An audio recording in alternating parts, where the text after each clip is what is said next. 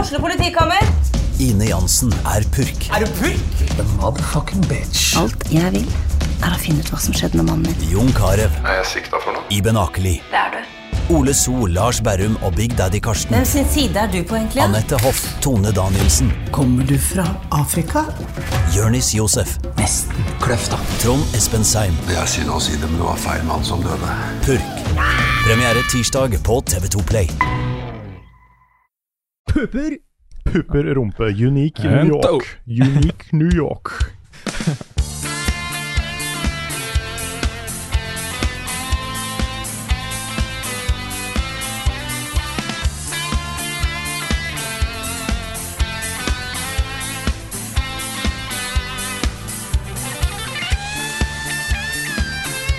Har du lyst til å være programleder? eh? Ja, kanskje Nick skulle vært programleder? Ja, eller? er det Nick? Har du lyst til å høre en artig intro eller noe? Nei, jeg har jo ikke det i det hele tatt. Mm. Ehm, ah, hva skulle det vært? Dere skal ikke putte pressure on meg sånn, da! Nei, nei, jeg trenger ikke det. Det var bare, Kanskje det, jeg tenkte det kanskje kunne det her vært gøy. bare var introen. hæ? Hva? Kunne dette vært introen? Ja, det kunne vært introen. Kunne vært introen. Det Ok. kunne, Fordi da er det en ny episode av Level Backup nå, altså. Mm. ja, Som den podkasten heter. Ja. Ja. den gjør det. Ja. Vi har ikke Frida med oss i dag. Nei. Nei, det er sant. Hun, Nei, eh, Ja, hun har jo fått eh, den der sykdommen som eh, 2020 og 2021 ringer og gjerne vil ha tilbake. ja, utrolig lite trendy å få korona nå. Ja, tenk det. Ja. Men det er en ny bølge på vei. Det er det. Mm. Uff. Vi bestilte jo nesten tur til Frankrike, jeg og kjæresten. Vi Ja. eh, venter litt med det. Ja, det kan nok være lurt. Kan være lurt. Nå kommer begrensningene igjen, liksom. Ja, plutselig Mm. så gjør det det. Mm. Selv om jeg er trippelvaksinert og alt mulig. Ja. Jeg fikk jo litt eh, noia jeg òg da Frida sa det, fordi jeg også har vært litt eh, smådårlig eh, de siste dagene. Mm. Men jeg tok en test, og det var ikke korona. Så Nei, da- Men da også hadde skulle ikke- Frida smitta deg, liksom. Hun var i Oslo Ja, men det tar jo litt tid, gjør det ikke? Jeg veit ikke. Det kan ha en inkubasjonstid på opptil to uker, Å Ja, nei, da så burde det jeg kan, testa meg Det òg. kan hende vi alle sammen er smitta. kanskje. Det er bummer. Jeg har Det er fortsatt sånn ikke som blitt Walking Dead smittet. at we're already infected. Mm. Ja. Det hadde vært skikkelig bummer. Jeg har fortsatt ikke tatt dose tre. Nei, det har faktisk ikke jeg heller, men jeg hadde jo korona. Akkurat Mm. da jeg skulle ta eh, tredje dosen, liksom. Mm. Stemmer. Så da måtte jeg vente tolv uker, og så har det blitt litt mer enn tolv uker, da. Men jeg skal få tatt den tredje også. Så det er vel gått så lang tid at jeg snart får tilbud om den fjerde, jeg som er av den eldre garde. Jeg er sånn, Ja, det er eh, Er du over eh, tror det er 60 et eller annet? men det er jo ikke du. Nei, det er ok. Ja, Nei. ikke ennå. Det er en st- en stund til. Bare tuller litt med det, vet Ja, du. tuller. Ja, da. Men vi ønsker selvfølgelig Frida masse god bedring, Mhm. så mm, det er jo ikke noe kult å få dette her. Men det er Nei, jo ikke i det hele tatt. Så eh, masse god bedring til Frida. Så må vi også nevne at dette er jo podkasten Level Backup. Med Mm, ja. Rune Fjell Olsen, eh, Niklas Halvorsen og meg, Karl Martin Oksnes. Mhm. Ja, jeg, gl- jeg glemte å introdusere det, jeg nå, vet Men det er ofte vi gjør det. Ja, det er sant, det. Kanskje sånn en, en time ut i podkasten, så kan vi si hva den heter. Ja, jeg tror de fleste vet hvem vi er, og Ja, hvis du har kommet til episode 300 og et eller annet, og vi fortsatt ikke vet hvem vi er, så Nei, that's on you. Ukens hotteste. Det var jo sånn at Forrige episode av podkasten spilte vi jo inn som en sånn etere, nesten-etere oppsummering, på en En, måte. en eh, key three. Ja, eh, og det skjedde jo to ting da på natta etter at vi lagde den episoden, men da Mhm. før den ble publisert. Den ene tingen skal vi snakke litt om i nyhetsspalten, men den andre tingen tenkte vi å ta her. Og jeg har bare notert, altså dette er jo ikke, ikke my cup of tea eh, egentlig, så jeg fulgte med på deres stream da med et halvt øye. Mm. Eh, fikk med at det skjedde ting liksom, det kommer greier, men Det det, kommer greier. står bare FF7 i mitt manus. Yes, og det Take it står away. jo da for Final Fantasy 7. Ja. For det var en svær Final Fantasy 7 anniversary event da natt til fredag forrige uke, Mhm. og da fikk vi se mye. Vi hadde et håp om å få se litt fra del to av Final Fantasy 7 remake, og det fikk vi se. ja. Nice. Rebirth. Rebirth kommer det til å hete, Mhm. så det er ikke da remake part 2, det er Final Fantasy 7 Rebirth. Ja. som fortsetter historien fra første remake. Som Det har- stoppa på slutten av Midgard, da. Eh, Midgard-delen av Final Fantasy 7-originalen. Mm. Dere hadde jo en livestream, og da var det jo eh, deg, Carl, og så var det Philip fra Lolbua, Stemmer. og Audun, Og Audun. Og eh, Andreas Andreas og, og Svendsen. Svendsen. Stemmer. Og det var jo bare fine fancy-nerding i huet og ræva. Det var ordentlig gøy å høre på dere. Der var det mye passion, også særlig etterpå, når dere satt og analyserte hva dere hadde sett. Ja, ja. Men det, det, det er det som er så gøy med remake, for det er et sånt rabbit hole. Eh, og Nå skal jeg være litt forsiktig med hva jeg sier, fordi Nick har ikke spilt originalspillet. Og det, Nei. er, det er det mange andre som ikke har gjort ennå også. Å, thank you, Mhm. Carl. Ja. Men eh, det er jo ting i remake del 1 som tyder på at dette er mer enn en remake. Dette er ikke bare vi lager spillet på nytt, dette er noe annet som foregår. Ja. Det er noe større på gang. Hmm. Kanskje det er en oppfølger på en eller annen rar måte. Kanskje det er et eller annet sånt. Det Mm. er så kult! Det er kult, og det er rart. Eh, Det er også litt kontroversielt. Det er mange som er stressa på det. Ja. Fordi mange vil ha en eh, litt sånn 100 remake og bare det. Mm. Jeg liker ikke at folk eh, kødder med det de er glad i, ikke sant. Så, um, Ja, men eh, Men, men jeg, jeg er spent. Jeg er nysgjerrig på hvor de har tenkt å ta det her. Så, um, så jeg er veldig, veldig veldig spent på Rebirth. Mm. Det er jo her ting kan gå virkelig off the rails, tror jeg. ja. Men de har også kunngjort da, at det kommer til å være tre spill totalt. Og Det var en sånn Ok. nyhet som alle egentlig har gått og venta litt på. Hvor Ja. mange kapitler kommer, liksom? Jeg ble veldig letta av å Ja. høre det. Mm. Fordi nå har de blåst opp da Midgard, som egentlig bare er de første sånn seks-sju timene av originalspillet, Ja. til et fullt 40-timers sp- spill. og det tror jeg ikke de kan gjøre med resten av spillet. Nei. Det tror jeg blir rart, og blir litt sånn kunstig, uh, kunstig forlenga. Det blir litt sånn Hobbiten. Mm. Eh, så det at de tar resten av spillet, gjør det til to svære spill, det tror jeg er veldig riktig vei å gå. Og så er det jo sånn, eh, Final Fantasy 7 er jo et veldig sånn myteomspunnet eh, spill. Mhm. eh, med Altså, jeg har jo ikke Jeg har bare spilt starten av Final Fantasy 7, originalen. Mhm. Men selv jeg har jo fått med meg Det er jo to, særlig to ting, da, eh, som er connected til hverandre. Som alle vet om, liksom. Ja, Tror du, tror du de kommer til å fucke med det, liksom? det, man vet jo ikke det. Nei. Altså, de, de hinter jo om at kanskje. Ja. Jeg tror ikke det. Nei. Jeg tror det er en litt sånn red herring, som det Ja, heter. det kan nok være. Ja, jeg, det er i hvert fall min eh, spådom. Mm. Eh, Jeg er veldig vag her nå. Um, men eh, det var jo ikke bare Rebirth som ble vist. Nei, det var det ikke. Men Fordi- Kan jeg bare spørre først? Nick, du vet hva jeg snakker om når jeg snakker om den spoileren, ikke sant? Eller har, ikke du, er du, har du vært så langt unna Final Fantasy Nei, for 7? jeg tror ikke Nick vet det. Ok. jeg, jeg, jeg, altså, jeg, jeg tror ja, kan, kan jeg, er, det, er det noe med den logoen, liksom? Nei. Nei, da kan det være hva som helst. Ja. Nei, men Eh, Det er eh, derfor, altså, vanligvis hadde jeg ikke vært så forsiktig med spoilere på et så gammelt spill. Nei, men, Men, nå, det, det sitter noen her ikke sant, Ja. som, som ikke har opplevd det. nei, det er helt sant. Og Og som da- også venter på nye kapitler og nye Ja. episoder, liksom. Og så har jeg lyst til å streame hele originale Final Fantasy 7 sammen med Nick. Ja, ja, nettopp. ja, ja. Så den opplevelsen vil jeg bevare for Nick. Ja, det er bra. Det er bra, bra. Yes. Ja, da kan du gå videre, Carl. Ja. Jeg var bare nysgjerrig. Ja, nei, men, eh, men jeg er utrolig spent på hva Rebirth eh, kommer, til å, kommer til å være. Det er helt på toppen av eh, Most Anticipated-lista mi nå, Mm. det spillet. Ja. Og det kommer jo da eh, vinteren, altså neste vinter, sa de. Så det kan bety alt mellom desember 2023 og mars 2024. Ja, nettopp. Kan jeg, jeg må ta en liten digresjon til, jeg. Ok? Fordi, eh, apropos liksom veldig veldig store spoilere Jeg så eh, Sjette sansen med dattera mi eh, og eh, fetteren hennes. Ja, for det er en sånn type spoiler. Ja. det, ikke sant? Mm. Det var veldig gøy å se den igjen. Ja. For jeg har bare sett den én gang, Mm. kom jeg på da jeg så den. Men den er bra. Mm. Det er det. Men Ja! moving on. Ok. Eh, for det var tre ting til som ble vist. Vi kan ta de, de kanskje to minst eh, spennende tinga først. Mm. Det første var jo det som heter Final Fantasy 7 The First Soldier, som er et battle royale-spill, av alle ting. Ja, Ja, det har jeg Eh, sett. satt i Final Fantasy 7-universet på mobil. Ja. Det har jeg ikke spilt, fordi det bare er på mobil. Eh, venter jo kanskje litt på en mulig Steam-lansering etter hvert. Det har de ikke sagt noe om ennå. Men eh, det er visst ikke sånn veldig eh, historietungt, akkurat det. Men det kommer også et spill som heter Ever Crisis. Og det er en slags gjenfortelling av hele Final Fantasy 7-historien, med alle spilla, på mobil. Å ja. Så det er en slags sånn litt sånn lofi remake Mm. av alt. Ok. Eh, og det ser litt ut som det kommer til å være free to play med litt mikrotransaksjoner, Mm. så jeg er litt stressa på det. Ja. Um, men det er jo kanskje da litt nærmere den trofaste remaken som mange vil ha. Da. Mm. Bare at de får det på mobil og litt eh, lavere budsjett og, og sånn. Mhm. Men der også er det noe som er litt sånn spennende, så det er jeg spent på. Ja, Det skulle komme i beta om ikke sånn kjempelenge, tror ok. jeg, i løpet av året. Men, Ja. jeg husker. Eh, men den siste tingen som ble vist, det var eh, Crisis Core Reunion. Ja. De Og, navnene her, altså. ja, de navnene her er eh, Det, det er jo da eh, basert på et spill på PSP som kom ut for mange år siden, ja. som het Crisis Core, Final Fantasy 7, Mhm. eh, som handler om eh, Zack, som er en litt sånn eh, mystisk figur i Final Fantasy 7, eh, sp- originalspillet. Mhm. Så dette er da en prequel om han, Ok, så Ok. pr- ja, før historien i Final før Fantasy 7. historien. Så dette er litt sånn, eh, litt sånn Star Wars prequels for eh, FF7-historien, Mhm. ehm, som av alle sidespilla som har blitt lagd etterpå, så er Crisis Core sett på som et av de bedre. Ok. Det er en del ting i manus og historien som ikke er helt 100, syns jeg. Mm.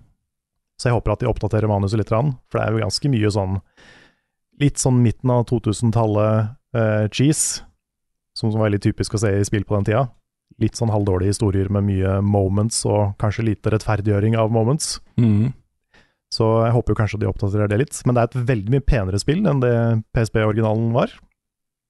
Det er mer en remaster enn en full remake, Skjønner. men eh, det er da mye som tyder på at eh, man burde spille den her også før, eh, før remake part 2, da. Ja, hva, men, hva mener du med det? Nei, fordi eh, det er jo connecta alt sammen, ikke sant? Ja. Så kan det hende at de gjør et eller annet eh, muffens her òg. Mm. Kanskje de enten endrer på noen store ting, eller at, eh, ting, at historietråder fra Crisis Core kommer tilbake i remake Mm. og blir viktigere enn de var i originalspillet. Aha. Det er mye greier der. Ja. Så um, man vet aldri. Men det skal jeg spille. Men eh, tips til alle, inkludert Nick, Oh, hello. ikke spill Crisis Core før du har spilt originalen. Ok. Ok. Fordi det er litt som å spille The Prequels, da får du spoila Darth Vader. Liksom. Ah, ja. Ja. Så det er viktig. Mm. Spill originalen før du spiller Crisis Core. Ah, Ok. tenk Hvis jeg sa Darth Vader, hva mener du da, Karl? Ja, det, du vet, han er, eh, han er onkelen, vet du. Til Ja. han derre Ah. Jeg Ja. har eh, lyst til å bare hekte på jeg, et par eh, Final Fantasy 16-nyheter, eh, siden vi allerede snakker om Final Fantasy. ja, for det er nyheter der òg. Ja, og ehm, også han som er regissør av Final Fantasy 7 nei, Final Fantasy 16 og 14, har gått ut og sagt at han skjønner godt folk er litt stressa over at han ikke får gjort en god nok jobb på begge to, siden han må dele oppmerksomheten sin på de to. Men han har liksom forsikra om da, at eh, det skal gå bra. Ja, Stoler du på han? Jeg stoler på han. Ja. Altså, er det én person i Square Enix jeg stoler på, så er det Yoshi P. Mm. Han er, eh, han er helt, ass. Yoshi P. Han er, det, det er liksom kjælenavnet han har fått av fans. Ah. Mm. Han heter egentlig Naoki Yoshida. Å, han heter ikke Yoshi P. Han heter ikke Yoshi P, men han har fått, han har fått navnet Yoshi P, litt sånn kjendisnavn. Ja. Ah, kult. Ja, det er noen Suda51 og Ja, litt sånn. Ja. Men uh, han er liksom, det er ingen som er bedre på Final Fantasy akkurat nå enn det han er. Nei. Han, uh, han har på en måte redeema serien for veldig mange. Mm. Og da i forlengelsen så har de også vært ute og snakka litt mer om Final Fantasy 16. eh, Og en av de tingene de har sagt, er at det ikke er åpen verden, eh, men at det har henta inspirasjon fra en del moderne spill i samme gate. Så det virker jo som om på en måte de løfler litt med den ideen om åpen verden, eller kanskje Mm. tenker litt sånn som Ellen Ring eller eh, The Witcher eller Ja, jeg, jeg forventa egentlig aldri at det skulle være åpen verden. eh, Uh, jeg tipper det er noe de sier fordi 15 var ganske åpen verden. Ja. Uh, at det er derfor de følte for å, for å uh, klarifisere det, liksom. Mhm. Men ehm, jeg, har ikke, jeg har ikke egentlig lyst på et åpen verden Final Fantasy heller. Jeg, jeg liker de der lineære historieopplevelsene. Ja, Hvis Så- du har åpen verden eh, Final Fantasy, så kan du vel spille 14? Da kan, du- ja, det er et MMO, da. Ja, men det er, Men- åpen, er ganske åpen verden. Mm. Det er en, å- et åpent MMO, sånn sett. Ja. Men, eh, eller 15. 15 er veldig åpen verden. Ja. Ja, Crystal Chronicles, liksom. Crystal Growing, ja, det er ikke åpen verden. ja, ah, jo, ah. Men ehm, nei, det, jeg syns 16 høres ut som det jeg har lyst på, egentlig, Ja, ja. fra den serien her. For det er eh, litt mer lineært, enn, eh, med fokus på en historie. Eh, de har også sagt at det kom, du kommer bare til å styre hovedpersonen. Mm. Så selv om du har party members, sånn som du ofte har i Final Fantasy, så styrer du bare han ene, Ok. Ok, eh, mens eh, AI-en styrer de andre. så rart. Det er litt, litt nytt. Veldig ofte så kan du styre alle i disse spilla. Så, men det er da for å holde fokuset på et litt mer sånn tight, eh, actionbasert eh, Ja, combat-system, skjønner. tipper jeg. Eh, og så har de også sagt at disse svære eh, summonsa, som du ser i trailerne, som de slåss mot hverandre og sånn, de kommer til å ha nesten Altså, det virker som de kommer til å ha hvert sitt kampsystem for hver fight. Ok. Ok. Så det er litt, eh, litt spennende. Ja. At det blir liksom et, ny, et nytt spill for hver gang de svære slåss. Mm. Det kan bli enten veldig kult, eller ikke så kult. Jeg lurer på om den svære kyllingen er der. Det svære Den svære sånn øh, øh, øh, Hva heter de de rir på? De, Chocobo. Ja, men den dritsvære Ja, chocoboen. fat Chocobo. Ja, da heter den bare fæl chocobo. Ja, det var fat Chocobo. Det er så slemt. Men ja, kanskje den er der òg. Kanskje. Er det en av gudene, liksom? Det er en sånn summon. Ah, men det er sånn derre For to år siden så hadde jeg liksom ikke brydd meg noe særlig. Nei. Jeg kunne egentlig ikke brydd meg mer om den Final Fantasy-greia. Mm. Men nå er jeg så Jeg blir bitt av basillen av den øh, remaken. Ja, jeg skjønner det godt. Crystal Chronicles var best i alle år. Du, jeg, jeg liker at du bare har spilt Crystal Chronicles. Det er, sånn, at det er litt som å på en måte bare ha Sett Bobefett. ja, liksom. Nei, men det, det Crystal Chronicles var, var, det, var det treat, liksom. Det var Ja. dritkult. Ja, det var, jeg koste meg med det. det var, jeg husker at du måtte ha hatt fire Gameboyer for å kunne spille multiplayer. Ja, det var dyrt, og da måtte han ha masse venner og sånn, for at Ja. det skulle være veldig gøy å spille. Mm. Men liksom, de andre Final Fantasy-spillene kunne liksom bare prøve å være så gode som Crystal Chronicles, Ja. tenkte jeg. Det er sånn, jeg, har, jeg kjenner at jeg har lyst til å liksom være Aladdin som bare henter deg på sånt flyvende teppe og så bare vise deg hele verden, Nick. Ja, men du Jeg skal, var jo skal du var prøve på å en måte ikke det, da, i mase for remaken. mye. Hæ? Du var på en måte det i remaken. Ja. Ja. Jeg hadde ikke spilt det hvis du ikke hadde sagt at det var bra. Nei, det, jeg er så fan av det de gjorde med remaken, altså. Jeg bare har så lyst på mer. Mm. Det er lenge til det kommer, men eh, det- jeg sa kanskje ikke det, at Crisis Core kommer jo nå denne vinteren. Ja. Så da blir det ett Final Fantasy-spill i, å- i året. Mm. Ett Final Fantasy 7-spill. Så kommer 16 inni der et sted. Det gjør det. Fy fader, ass. We eaten good.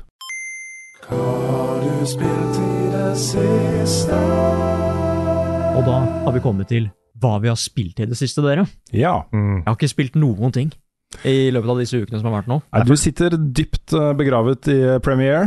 Ja, det er, jeg har spilt mye premier, faktisk. Ja. Eh, egentlig bare premier. Hører på hvor mange timer jeg har i premiere sånn gjennom livet. Ja.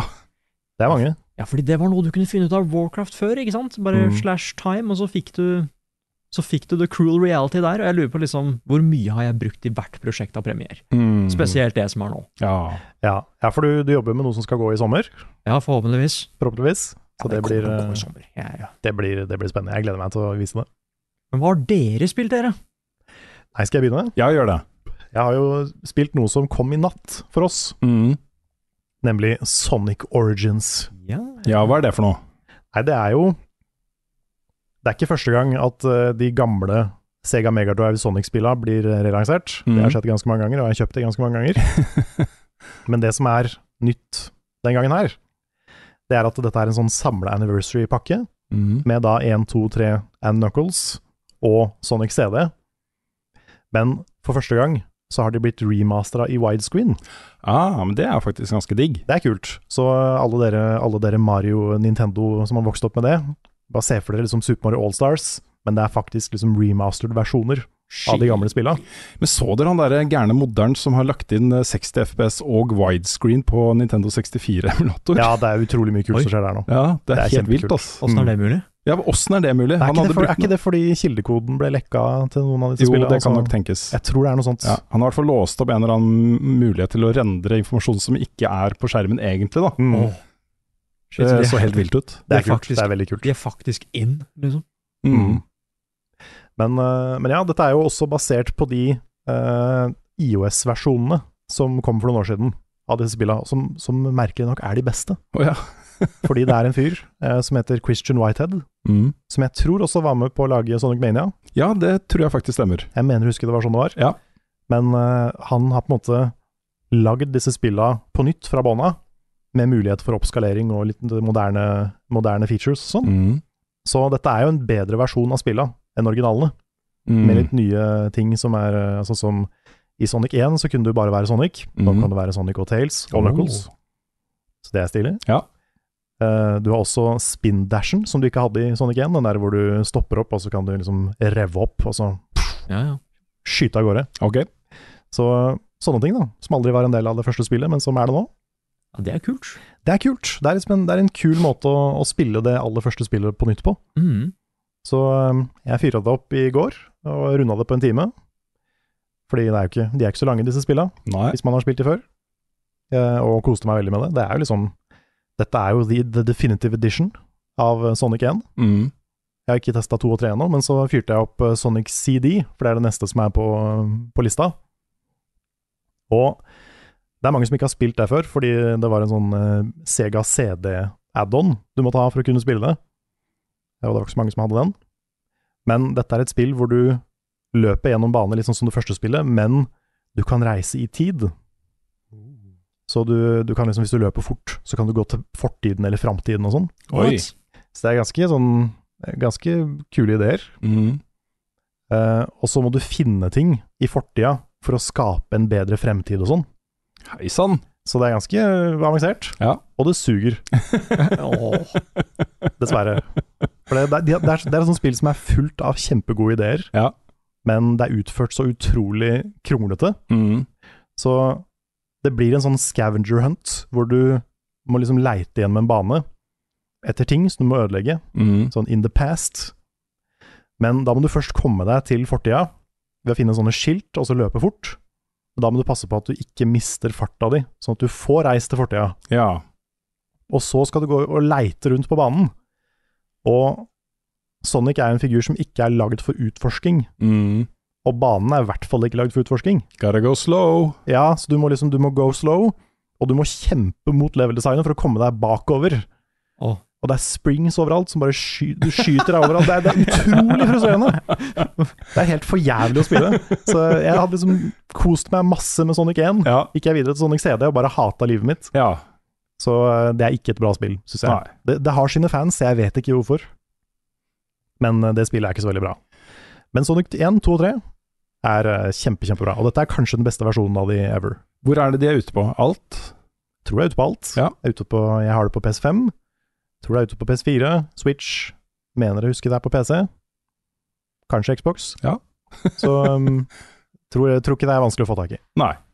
Men, uh, men det er gøy å se disse spillene igjen. Så er det jo også ikke sant, et sånt museum hvor du kan unlocke concept art og sånne ting. Mm. Og uh, pluss, det glemte jeg å si, kanskje det kuleste Hvert spill har en ny animert intro- og outro-sekvens Å ja. som er sånn, sånn utrolig fine, sånn stilige eh, 2D-animasjoner. Jeg husker vi snakka om dette her da de annonset den pakka nå. Mm. Og da var vi veldig skeptiske til hva det betød. For de sa at det var- ville være nye filmatiske sekvenser, sa Ja. de i den announcementen. Stemmer. Men de er ganske kule. Ja. Hvis noen har sett de der eh, Sonic Mania Adventures-kortskitsa, liksom, Mm. så er de veldig sånn. Kult. Det er en stil som er veldig trofast til eh, gamle, gamle liksom Megadrive Sonic. Ah. Og eh, ordentlig sånn feel good, søte animasjonssekvenser. Mm. Jeg liker de kjempegodt. Ja. Så eh, kult. Jeg er fornøyd. Stilig. Ja, men det er bra. Litt sur på Sonic CD, men ellers eh, veldig, veldig fin pakke. Ja, det er for så vidt greit å kunne vite, da. Ikke sant? Hva er dette spillet for noe? Mm. Nå vet du det. Nå vet man det. Det er sant. Skal jeg ta over? Det kan du gjøre. Ja, jeg må være litt kort her, fordi anmeldelsen min er ikke ute ennå. Men Nei. øhm, jeg har jo også da anmeldt The Quarry. Din anmeldelse var ute nå. Jeg har ikke fått sett den ennå heller, eh, Karl. Nei, eh, Så jeg vet ikke om den er bra, men den er sannsynligvis det. da. Ja. Den var fin. Ja, takk. Mm. Det er litt morsomt også, fordi da hadde jo jeg allerede levert min anmeldelse, og vi har nesten lik tittel. Ja, det er sant. Ja, så jeg sier ikke hva min er, men den er ikke så langt unna. Nei, nei, for min tittel er jo da 'Grøss og gruver', fordi quarry gruver, ikke sant? Mm. Litt lite ordspill. Litt lite ordspill. Ja, og du har nesten det samme ordspillet. Ja, ikke langt unna. Great minds think alike, og vi har jo ikke snakka sammen, Nei, vi har så ikke det. det er kjempe, kjempegøy. Great minds. Jeg har lyst til å bare nevne at eh, altså, du er jo litt mer glad i disse Supermassive-spillene enn det jeg er. Det er jeg. Eh, jeg syns det var utrolig gøy å se deg s- eh, spille um, Until Dawn, Nick. Ja. Det var litt av en opplevelse. Det var en herlig stream å følge. Eh, og så har jeg jo spilt eh, eh, Dark Pictures-spill med deg, to stykken. Eller Ja. kanskje bare det ene? Jeg Kanskje det tror bare vi det var. bare spilte Little Hope. Ja, det er ok. kanskje det dårligste av de. Ja, jeg syns det var ok nå. Ja. Men det disse spillene har, som er den klart største styrken, er jo muligheten til å spille sammen. Mm. Eh, og The Quarry er jo glimrende her, at du kan være inntil da åtte personer Ja. som bytter på å holde kontrolleren og styre hver sin rollefigur. Da blir det jo litt sånn, da kan du jo ta deg en pils, ikke sant, når det ikke er du som eh, din karakter som er på skjermen. Spise potetgull, ikke sant, og bare vente på at det er din tur. Kan jeg? Eh, og så er det jo opp til deg da, å ta vare på din egen rollefigur. Og det er en Uansett liksom hva man syns om spillet, så er den funksjonen syns jeg er fantastisk. Um, og og det er det verdt å bemerke, da. Det er det. Og vi testa det jo her, Ja, i sofaen. mhm. Og vi spilte de første sånn to-tre timene, tror jeg, å spille ja sammen. rundt der. Og det var jo før på en måte shit got real. Men du merka likevel fortsatt den der, litt den der filmkveldfølelsen. da. Om Mm. at ok, nå er det din tur, så må vi bytte plass. Ja, og så ja, ja. rører det. Og så merker vi at det bygger opp til et eller annet. Mm. Og vi, det blir veldig viktig hva slags valg du tar, fordi du vet aldri hva som kommer tilbake, til, å- kommer tilbake og biter deg i ræva. Mm. Så um, det er en helt egen, veldig veldig kul måte å spille det på. Og den funksjonen er jo nå da kun eh, couch, men skal bli patcha inn online. ehm, Mm. Senere i sommer, da, har- ble det sagt i juli, tror jeg. til Starten av juli eller noe sånt. Ja. Så, så den kommer jo også online. Ehm, den andre tingen jeg har lyst til å si om det, er at og så kan folk ehm, eh, senere i helgen få vite hvor mye jeg trekker for det. Men slutten er merkbart og, og tydelig dårligere enn resten av spillet. Ah. Um, og det er liksom sånn, enten så har de bare sluppet opp for ideer, eller så har de eh, sluppet opp for tid. Mm. Noe har skjedd, da. Fordi det er plutselig så blir det sjukt rusha, eh, med masse greier, liksom, Mm. som du ikke får tid til å fordøye i det hele tatt. Mm. Og istedenfor da, å sitte ved rulleteksten og bare så, litt sånn magepunch, som den type spill og filmer bør ha, føler jeg, så sitter du sånn Var dette alt? Mm. Og det er trist, altså. Ja, du blir litt sånn tatt på senga at det er ferdig, Ja, ikke sant? Eh, og det er veldig skuffende. Mm. Fordi eh, Until Dawn hadde en veldig sånn kul et veldig kult klimaks for historien, Ja. hvor alle, ikke sant, jeg skal ikke spoile nøyaktig hva som skjer, men alle ku- karakterene kommer sammen, Mm. og du har en sånn siste kul, svær, eksplosiv sekvens, Ikke sant? Ah, stemmer. og så får du credits og en epilog. Ja. Og det mangler liksom her. Ja, det gjør det. Spillet bare stopper, og så får du en litt sånn powerpoint om hva som har skjedd, Mm. og så er det en litt sånn der eh, artig credit-sekvens hvor du får en slags wrap-up, da. ah, så det mangler det bang, liksom. Det mangler the bang. Ah. Ja, og det er litt synd også, fordi potensialet er så stort Mm. i både konseptet i seg selv og det de prøver å få til. Da. Mm. Også det å lage interaktive skrekkfilmer på den måten her, er det ingen andre som gjør. Eh, og det er i de- hvert fall ikke så bra. Ikke sant? Og, det- og det ligger et kjempepotensial. Nå har de henta inn så gode skuespillere og jobba så mye med manus og setting og interaktivitet og alle disse tingene. De har jo virkelig jobba hardt her, liksom. Mm. Eh, s- Så gjør de seg selv ingen tjenester også, ved å ikke eh, finish, finish the jo- the job. Nei, det, det spillet her burde vært eh, utsatt for å utbrodere slutten. Ja. Eh, når det er sagt, da, så jeg sendte deg en melding rett etter at jeg hadde runda det. Og var sånn der eh, Pokker også! Eh, men så sa jeg at jeg måtte la det få synke litt, og, og helhetsinntrykket er nok bedre da enn enn, eh, det jeg hadde umiddelbart etter rulletekst. Ja, det er det. Ja, det er nok det også, men eh, får vi se da hvor eh, langt unna vi er hverandre. Hva er det du ga det? Jeg ga det sju. Ja.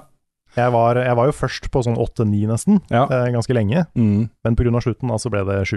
Ja. For det- For det ødela såpass at det trakk et par. Jeg tror også jeg ville ha gitt det åtte av ti fram til altså på de første to tredelene av spillet. Mm. En god build-up, masse kule sekvenser inni der. eh, avsløring av hva som egentlig foregår og den type ting. Og alt det der var veldig gøy og Mm. stilig og spennende. Mm.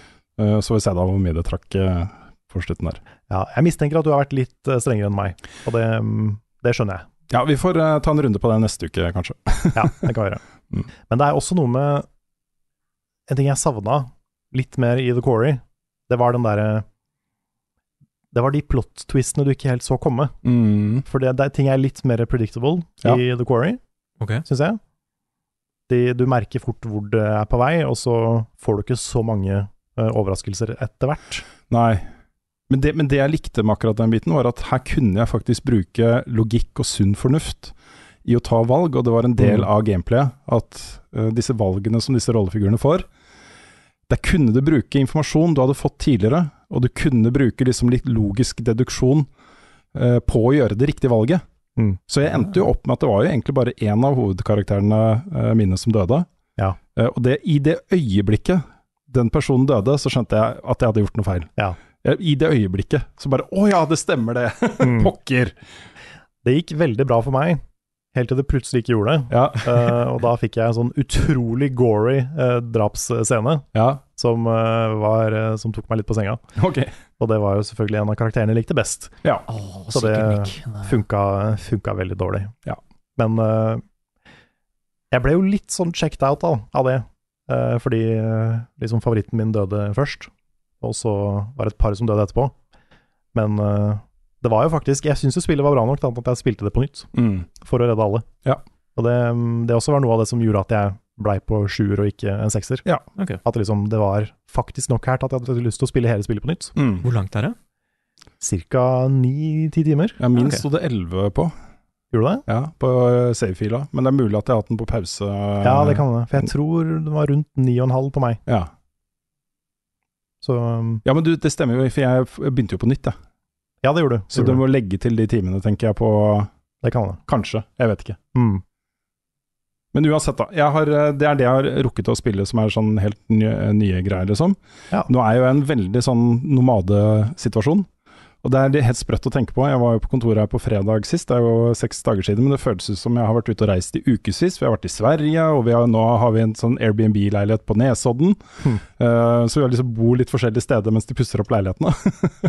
så det er veldig rart å være her. Og jeg har liksom, det, det jeg har med meg rundt omkring, er jo PlayStation 5-konsollen, da, i Hmm. eh, den fine good game-bagen vår, eh, og en monitor. Ja. Så jeg har liksom ikke tilgang til PC hjemme, og jeg har bare den PlayStation 5-konsollen. Ha. og kontoret nå, da, selvfølgelig. Så ja. Ja. Leve uten PC, altså. det er veldig rart. Det Ja, er, det er veldig, veldig rart. Det må være rart.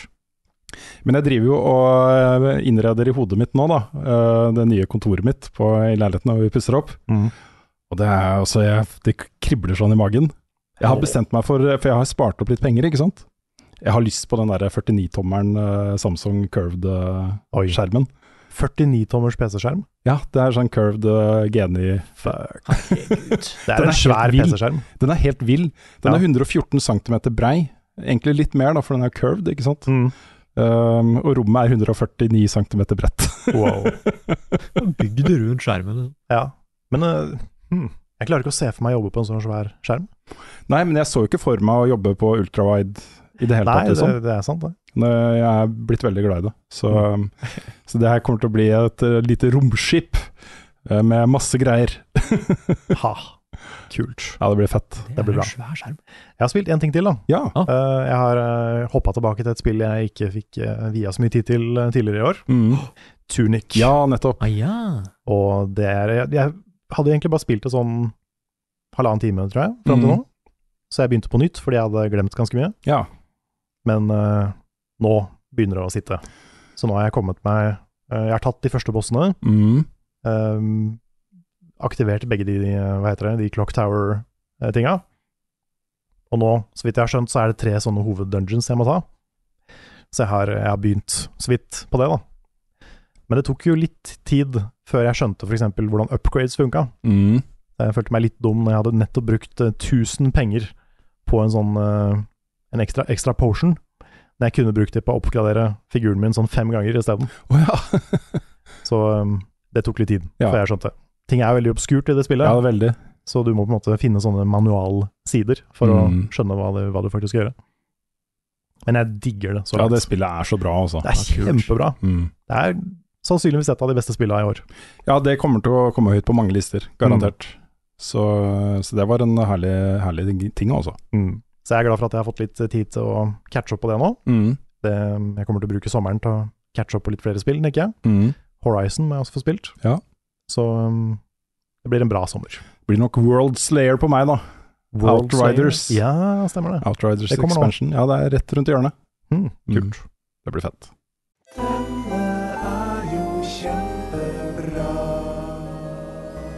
Ukens anbefaling. Vi tar oss tid til en kjapp eh, anbefaling, og vi lar eh, Nick få æren eh, denne gangen. ja, fordi dette her er en litt sånn morsom, da, fordi jeg bygger jo på en måte opp til en sequel-anbefaling her nå. Ja, ikke sant? Mm. Eh, Fordi på Paramount Plus, der prøver jeg å finne serier nå. Um, og da har det kommet en serie som heter Players. Det handler om et League of Legends-lag som har lyst til å vinne sin første championship, liksom. Mm. Ok. Eh, men grunnen til at jeg ikke kan anbefale den helt ennå, er for at eh, jeg liker den veldig godt. Sesongen er ikke ferdig, vi mangler fortsatt halvparten eller noe sånt. Men den er lagd av de samme folka som har lagd en serie på Netflix som heter American Vandal. Mm. Og har noen av dere sett den? Nei. Nei, for da Det var dumt. Men da tenkte jeg at da kunne jeg liksom anbefale den serien først. For å Mm. gjøre dere klar til Players. Kult. Fordi Mm. vet dere hva American Vandal er? Nei, jeg bare husker jeg har sett uh, tittelen på det TV-programmet og tenkt at dette har jeg lyst til å se, men jeg husker ikke hvorfor. Ja, ok. Nei, fordi nå, nå skal jeg bygge det opp så dramatisk som mulig, ikke sant? Ok. Nei, fordi på high school, da, rett før slutten av året, liksom, noen er klar til å graduate, liksom, og tenker på fremtida si, så skjer det noe på skolen. Plutselig en dag så er 27 biler graffitia ned. Det er peniser på alle bilene, dere. nei. Oh shit. Ja. Og siden det er en kjent vel, penismaker på skolen, så får jo han så klart skylda. Ja. Ok. Eh, og det er liksom lett, ja. Bare bing, bare boom. Den saken ble løst med en eneste gang. Han bare betaler erstatning og sånn, og så får han det på rullebladet. Men da er det én student som tenker at ja, men hva hvis dette her Var ikke dette litt for lett, liksom? Kanskje det er noe mer til, den, til denne personen som har graffiti av disse penisene på disse bilene. Så han setter i gang da en investigation for å Mm. komme til bunns i det her, og for å finne ut om han som er den skyldige. Ja, men Er det true crime eller er det drama? Ja, for det er det som er så gøy. Det, det skal være true crime, liksom. Mm. Men det er jo en mockumentary. Det har jo ikke skjedd. Ja, ok, greit. Eh, Ah. eh, og det som er så ekstra morsomt, da, er at de går så dypt inn i hvem som liksom kan ha gjort det her. Ah, kult. Og sånn- liksom denne svære skolekonspiracyen, liksom. Mm. Fordi det er for lett, ikke sant, at han som er kjent til å tegne peniser, har gjort denne Ja, ja. crimen her. Og så er det en sånn undergrunn på skolen med liksom andre penistegnere som ikke vi vet om. Åh, Jeg skal ikke si noe, men du er liksom ikke så langt unna. Kanskje det er en liksom- vaginafaksjon på Ja, ja, skolen? ja. Nei, og det, det er liksom det, det starter um, Det starter så morsomt fordi man er litt usikker først. Kanskje han har gjort det, kanskje han ikke har gjort det. Kanskje han har Allah, folka har motiver og sånn. Ja, litt sånn som The Jinx. Litt sånn, og da er Det sånn Det er så gøy med hvor seriøse de blir. For jeg får den der med at eh, småting pleide å være ganske mye mer seriøst når du var liten, ikke sant? Mm. Og det er litt sånn her òg, at det bare Vi må finne hvem som har lagd disse penisene, dere. Og så er det en som glemmer at de har på seg mikk. Så Ja, det blir det- sånn her Of course I drew Ja. the dick, of course I drew the dick. Det skjer ofte òg. Og så Mm. tar de bare sånn De tar veldig Veldig rare liksom, tidbits med info, men som kanskje kan være relevant. liksom. Bare Mm. 'Ja, men hvorfor var han der?' Nei, 'Han liker ikke å bæsje på den doen der.' 'Ja, men vet du hva, det er kanskje et clue.' Ikke Ja. sant? Da er det plutselig, Det er kanskje alibi. Det er plutselig alibi. Hvorfor liker han ikke å bæsje på den doen der? Ja. Ah. Nei, og den eh, Jeg trodde det bare skulle være en litt sånn morsommaktig tenåringsserie. Men det er, den har et utrolig flott mysterium. Hm. Det mysteriet er faktisk kjempegodt satt opp. Og det er twister og turns overalt. Og det har en veldig sånn Det har en god avslutning på mysteriet. Som jeg s- syns veldig mange sånne true crime-serier ikke har. De har som regel bare sånne åpne bare Nei, vi fant vi skal, Kanskje vi aldri fant, finner ut hva som er greia, liksom. Mm. Mysteriet var alt det var, men her får vi Vi får alltid en avslutning ja. på disse to sesongene som kom med American Vandal. To Nei. sesonger. Ja, det har bare kommet to sesonger. Så, så var det ikke noe mer. Da gikk de over til å lage Players. Nettopp. Ha, Nei, så hver sesong er en sak, da. kult. nei, ja, og- eh, for det, er- det er en ny sak i sesong to? Ja. Ja, ok, ok. For det har liksom suksessen de har i sesong én, gjør at det bare kan ikke dere prøve å finne ut av dette mysteriet som nå skjer i sesong to. Hm. Nei, så den øhm, Nei, igjen, jeg, jeg trodde ikke så mye om den på starten, men den er kjempemorsom. Den har det office-humor liksom rundt seg. Mm. Kult. Nei, så den, den anbefaler jeg. Jeg, jeg bincha hele sesongen første gang, for jeg ble helt hooked. Det var kjempemorsomt, men det var dritspennende òg. Den skal jeg se. Så, så ja, og når dere da har liksom sett de to sesongene der, så kanskje hoppe inn på Players òg, for det er Ja. mye av det samme.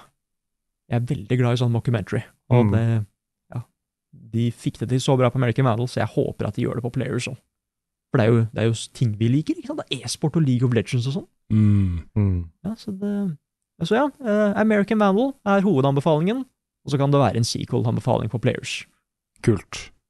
Eh, American Vandal på Netflix, forresten, og Players er på Paramount Pluss. Her kommer Neder med Rune Fjellosen, og han har ikke hår. I dag, for oss, Mm.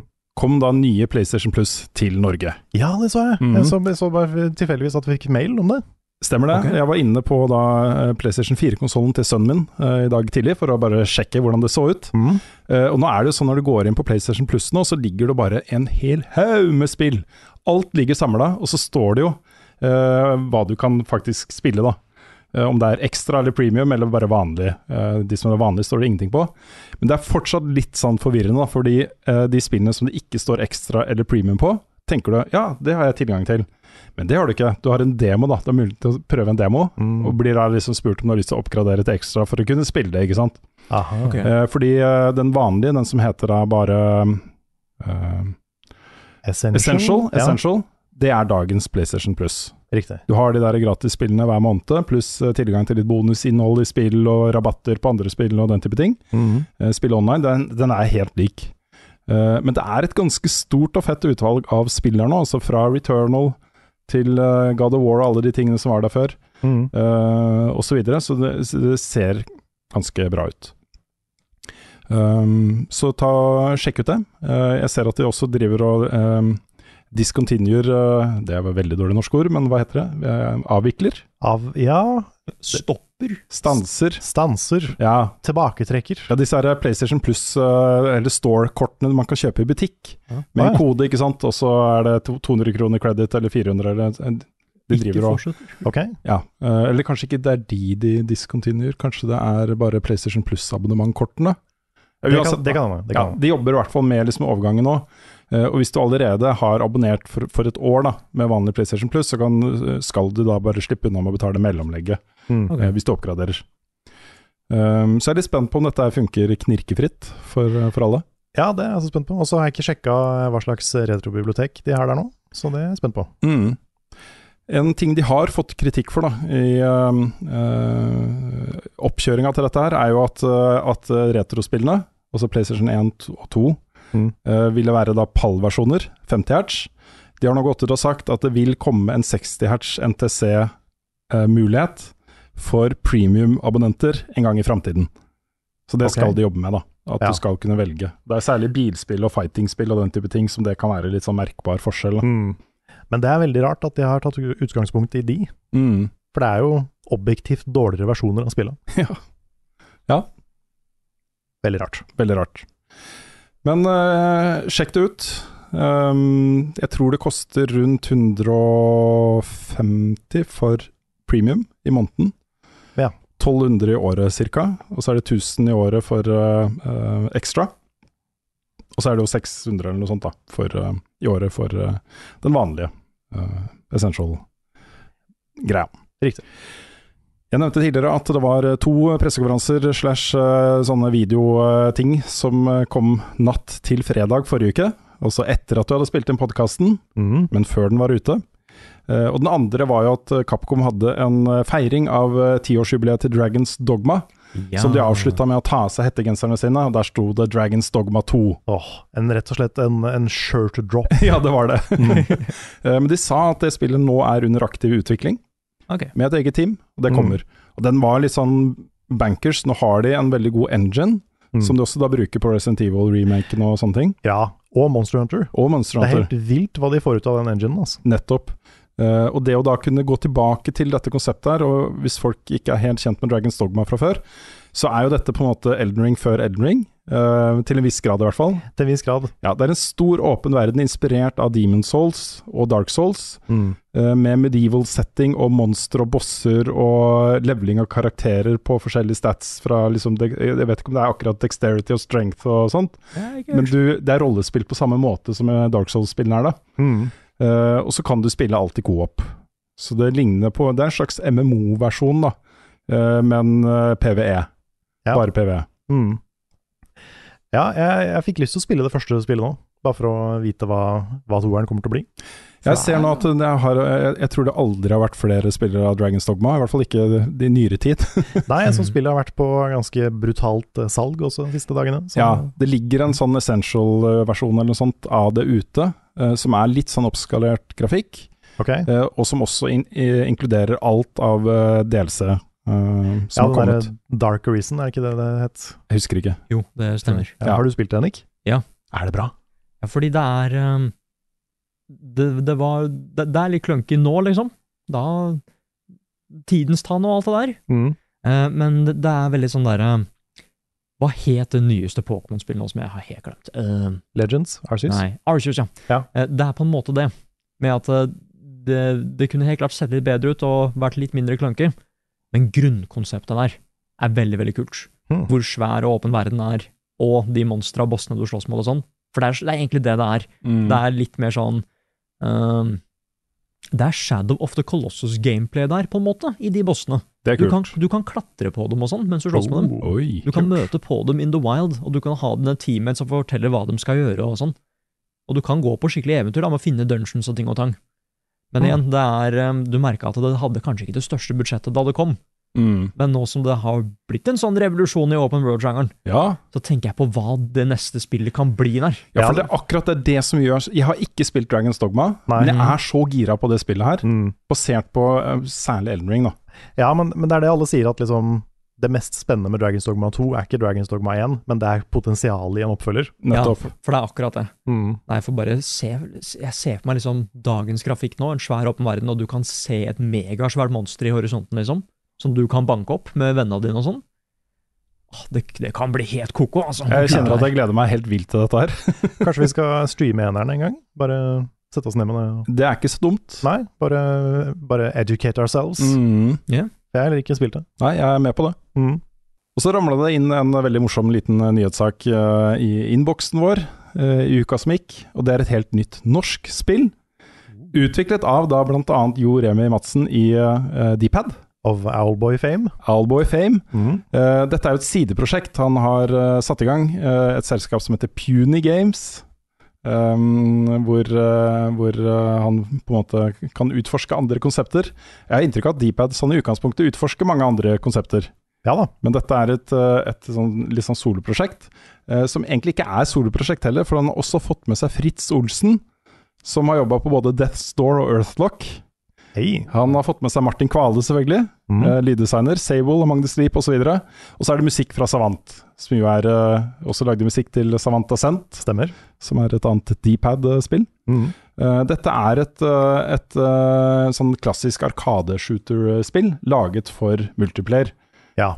Ja, Laga for opptil fire personer. nettopp. Man kan eh, kjøre rundt og skyte mot hverandre. Mm. Og det spillet er jo ikke lansert, men det er ute i Early Access da, eh, fra, eh, på, på Steam. Heter Cosmo Clash. Cosmo Clash. Ja. Dette er et sånn overskuddsprosjekt. Jeg har ikke fått testet det selv ennå. Vi har liksom venta på en anledning til å kunne være faktisk da fire stykken på samme skjerm som eh, spiller dette her. Ja, Man kommer ikke så langt når man spiller aleine. Nei. Eh, men dette gleder jeg meg til å ta tak i også. Det er Mm. morsomt å se noe nytt fra gutta bak eh, Alboy. Det er det. De har jo andre ting på gang òg, som jeg er veldig spent på. Ja, hvor- vi har jo hvor er. vært og lagd lanseringsintervju av et annet spill som de jobber med, som da fortsatt ikke har kommet ut, så vi har ikke sluppet det intervjuet heller. Nei. Nei, når, er det vi, når spilte vi Vikings on Trampolines Første gang. første gang? Jeg Du spilte, spilte jo, det før jeg begynte i Level Jeg Up. spilte det før Level Up begynte. Vi, da vi Ja, var hos det var, den- det var nye Spill-Norge, da. ja, det, Nei. våren da 2011 var vi Wow. og besøkte det, og da spilte vi Vikings on Trampolines. Ha. og så har vi testa det mange ganger da i Level Up-sammenheng. Jeg tror det fortsatt skal komme ut. Ja, kanskje når det kommer ut, så er det Elden Ring. Ja, kanskje det. Men eh, jeg tror nok mye av grunnen til at ikke det har kommet ut, er at de jobber med mange andre ting. Ja. Eh, og at det kanskje har bare havna litt bak i køen i forhold til Det er jo mer et partyspill, Ja. så um, jeg ser jo den. Og så er det også sånn at eh, Simon er jo ikke helt utelatt i Puny Games heller. Det er han som har lagd eh, artwork og coverart og sånne ting til eh, Cosmo Ja. Clash. Ok. Så, um, så det er liksom The Boys Back Together, men mest Jurema, da, prosjekt eh, dette her. Mm. Um, vi får også et nytt spill fra Creative Assembly, og det er jo folka bak Total War-serien. Dette er jo et, eh, et av de store, klassiske eh, selskapene. De, jeg tror de har holdt på siden 87 eller noe sånt. Mm. Eh, men de er mest kjent da for Total War-serien, men også Alien Isolation eh, og en del andre ting. da. De har nå annonset et nytt spill eh, som heter Hyenas. Eh, og det kan best beskrives, dette er min beskrivelse, Ok. eh, som Borderlands in space møter Hunt Showdown. Ok. Ha. Og da er det Ta litt den derre eh, eh, ha det fett-estetikken med kule våpen, kule outfits, eh, masse eh, kule funksjoner du kan gjøre, liksom. Eh, og så blander du det med eh, asymmetrisk multiplayer. Altså du har et mål, du skal lute noen sånne der, eh, cargo ships i, ute i verdensrommet. Eh, Men det er også to andre teams som gjør det samtidig. Hmm. Så dere må på en måte konkurrere om å få det lutet, da. Um, så um, det er jo sånn som Hunt Showdown og hva heter det der eh, eh, dinosaurspillet, eller hva det var. Å ja. Um, Evolve? Evolved. Ja. ja. Eller Evolve, kanskje, bare. Tror det bare het Evolve, Ja. hvis ikke jeg husker feil. Men, men ja, det, det vi spilte med Svendsen og sånn. Stemmer. Mm. Eh, det så veldig sånn eh, eh, selvsikkert ut. Mm. Men traileren var innmari god. Du hadde sånn eh, litt sånn klasseinndelt også på teamet, hvor eh, du hadde liksom forskjellige typer våpen. Du hadde en som hadde en sånn som kunne lage sånne blobs, som kunne lage enten at, eh, sånne eh, ting du kunne gjemme deg bak i gunfights. Du kunne også liksom bare ta det på fiender, så ble det satt de bare fast. Du kunne bruke det til å komme deg til steder, eh, og så videre da. Eh, og dette her foregår da i en verden hvor jorda har gått under. Eh, alle de rike folka har flytta til Mars. Um, og du bor nå på en måte i verdensrommet på sånne asteroidebelter og den type ting. da. Du er liksom eh, ute, i, ute i verdensrommet. Og så er på en måte mementos da, fra den verden som er ødelagt, er en del av greia. Du skal kunne finne liksom, musikk og um, gjenstander fra, fra gamle dager. Ha. eh, som collectibles og sånt. da. Kult. Jeg syns det så kjempelovende ut. Eh, der er det en lukka alfa på gang nå straks. Eh, Hvis du går på jeg tror det var playhyenas.com, eh, så kan du re- registrere deg for det. Den nettsiden var nede da jeg gikk inn, så det er ikke sikkert den er oppe igjen nå. Men, øh, men det kommer nå straks en lokal alfa, og så er det planlagt da lansering i 2023. Ok. Spennende. Vi øh, snakket jo for et par uker siden om en ny rapport fra Forbrukerrådet og øh, en hel haug med andre forbrukerorganisasjoner rundt omkring i Europa, øh, hvor de anbefaler regulering eller forbud mot øh, lootboxer og pay-to-win-mekanikker i spill. Stemmer. Eh, Noen har jo allerede tatt den oppfordringen. Det er jo nå strenge lover på dette her i Belgia og Nederland. Eh, og så ser, ser vi nå at eh, kanskje det er en bevegelse på gang i spillbransjen også. Fordi Overwatch 2 har nå gått ut og sagt at de dropper lootboxer, eh, og har da isteden Battle Pass og in game butikk. Og det er på en måte en Ok. en, eh, en eh, måte å håndtere den type transaksjoner på, som er litt vanskelig å kritisere, føler jeg. Den er litt mer OK. Er Ja. ikke det basically Fortnite-modellen? Fortnite, eh, Destiny eh, eh, Ja, Ja. ja, for du, du, du fjerner random-elementet, basically. nettopp. Du skal Mm. kunne s- gå inn i en butikk og så si 'den jakka der har jeg lyst på', eh, og så kjøper du den. på en Ok. måte. Mm. Og i Battle Pass så ligger det jo Det er bare rewards for XP, på en måte. Det er en måte å liksom Ok, du har betalt 100 kroner for den Battle Pass her, eller 200, eller hva det er. Mm. Eh, og hvis du spiller nok, så får du alle rewardsa som er der. Ok, ja, Free to play er liksom fortsatt ikke eh, my thing, Nei, men da syns jeg det her er den mest OK måten å gjøre det på. Ja, for det er litt sånn jeg tenker også. Mm. Det er jo ett element der som Forbrukerrådet fortsatt anbefaler, da, og det er jo eh, en, en tydeligere link mellom faktisk kostnad og in game-valuta. Eh, fordi Ja. det kan være litt vanskelig å forstå hva 300 blings er, Ja. ikke sant? Mm. Eller eh, Kjøp eh, fem- 500 fluples i dag. nettopp. Mm. ja, dette koster bare 1000, eller 10 000 fluples. Ja. Og så eh, har du kanskje 40 000 av de, og så tenker du at det er greit. Men Ja. så glemmer du da at du har brukt 100 000 kroner på å få de. Mm. Og for å få 10 000 fluples, så må du også ha 500 schmups. Mm, Det er så Rick og Morty, liksom. Det blir loopholes. Det er en veldig sånn berømt eh, allerede, da. eh, in- eh, infamous eh, s- eh, sak med en, eh, en eh, Diablo Immortal-spiller som hadde brukt, hva var det, 150 000 Å, herregud. kroner eller noe Ja, sånt? altså over en, mil- nesten en million kroner. Nei, eh, 150 000 kroner. Å, kroner. Ah, ok. Ja. Men jeg hørte om en som brukte en million kroner også. What? ja, det de har sagt er at det vil koste deg, eh, for det er en sånn egen gem som du må ha tak i for å få den beste oppgraderinga av karakteren din. Mm. Eh, og han hadde brukt da hva- det var litt rundt, Jeg husker ikke om det var liksom 150 eller 200 000 kroner på å få tak i en sånn gem. Eh, f- til han s- til slutt fikk det, tak i den. Da Mm. Og da ble han så forbanna at han sletta spillet. Og så kom han på nei, vent litt, grann, han måtte jo være, gå enda hardere til verks. Så han i- reinstallerte spillet, og så brukte han den gemmen på noe helt verdiløst. Og så sletta han spillet. Aha. Så, men det er liksom eh, Dette her må man ta tak i. Mm. Man kan, ikke, man kan ikke drive butikk på den måten i spill. Nei. Så jeg har et eh, håp da om at eh, kanskje det er litt bevegelse på gang nå. Vi hadde også et eh, Nintendo-event for eh, Xenoblade Chronicles 3, eh, Mhm. hvor det da ble kjent at du i tillegg til en, et fullprisspill også kan få lov til å bruke ca. 250 kroner på en expansion pass. Ja. Um, og det vil da gi deg tilgang til eh, litt items og noen nye klær eh, på lansering. Pluss da en storyutvidelse i 2023. Ja, riktig. Det jeg tror Nå har ikke jeg spilt eh, nå, siden det burde Frida vært her, Ja. Ja. men eh, jeg tror det er litt à la det Xenoblade har gjort før. For de har hatt sånne der, eh, badebuksepacks og sånne type ting.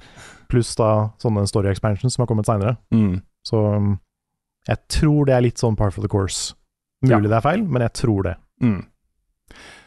Jeg ser også at folk snakker om at eh, det var litt mindre anime-tropes i det de viste fram på det eventet der. Ja. At det var kanskje litt eh, mindre størrelse på kropps, visse kroppsdeler, og de Mm. bevegde seg litt mindre og sånt. Ja, du tenker på ballefysikken, ikke sant? ja, Mm. så, så det er jo hyggelig, da. Ja, det, for de to var veldig anime. Ja. Mm. Det var, hadde, hadde alle tropes. Var ikke det litt kult, da? Mm. ja. Ja, jeg vet ikke. Fordi det, det, det var i hvert fall mye mer anime enn det eneren var. Ja. Så på tre så er de kanskje tilbake til litt mer det første, da. Kanskje det. På tirsdag førstkommende klokka 23.00 norsk tid er det et eh, digitalt event med Sony.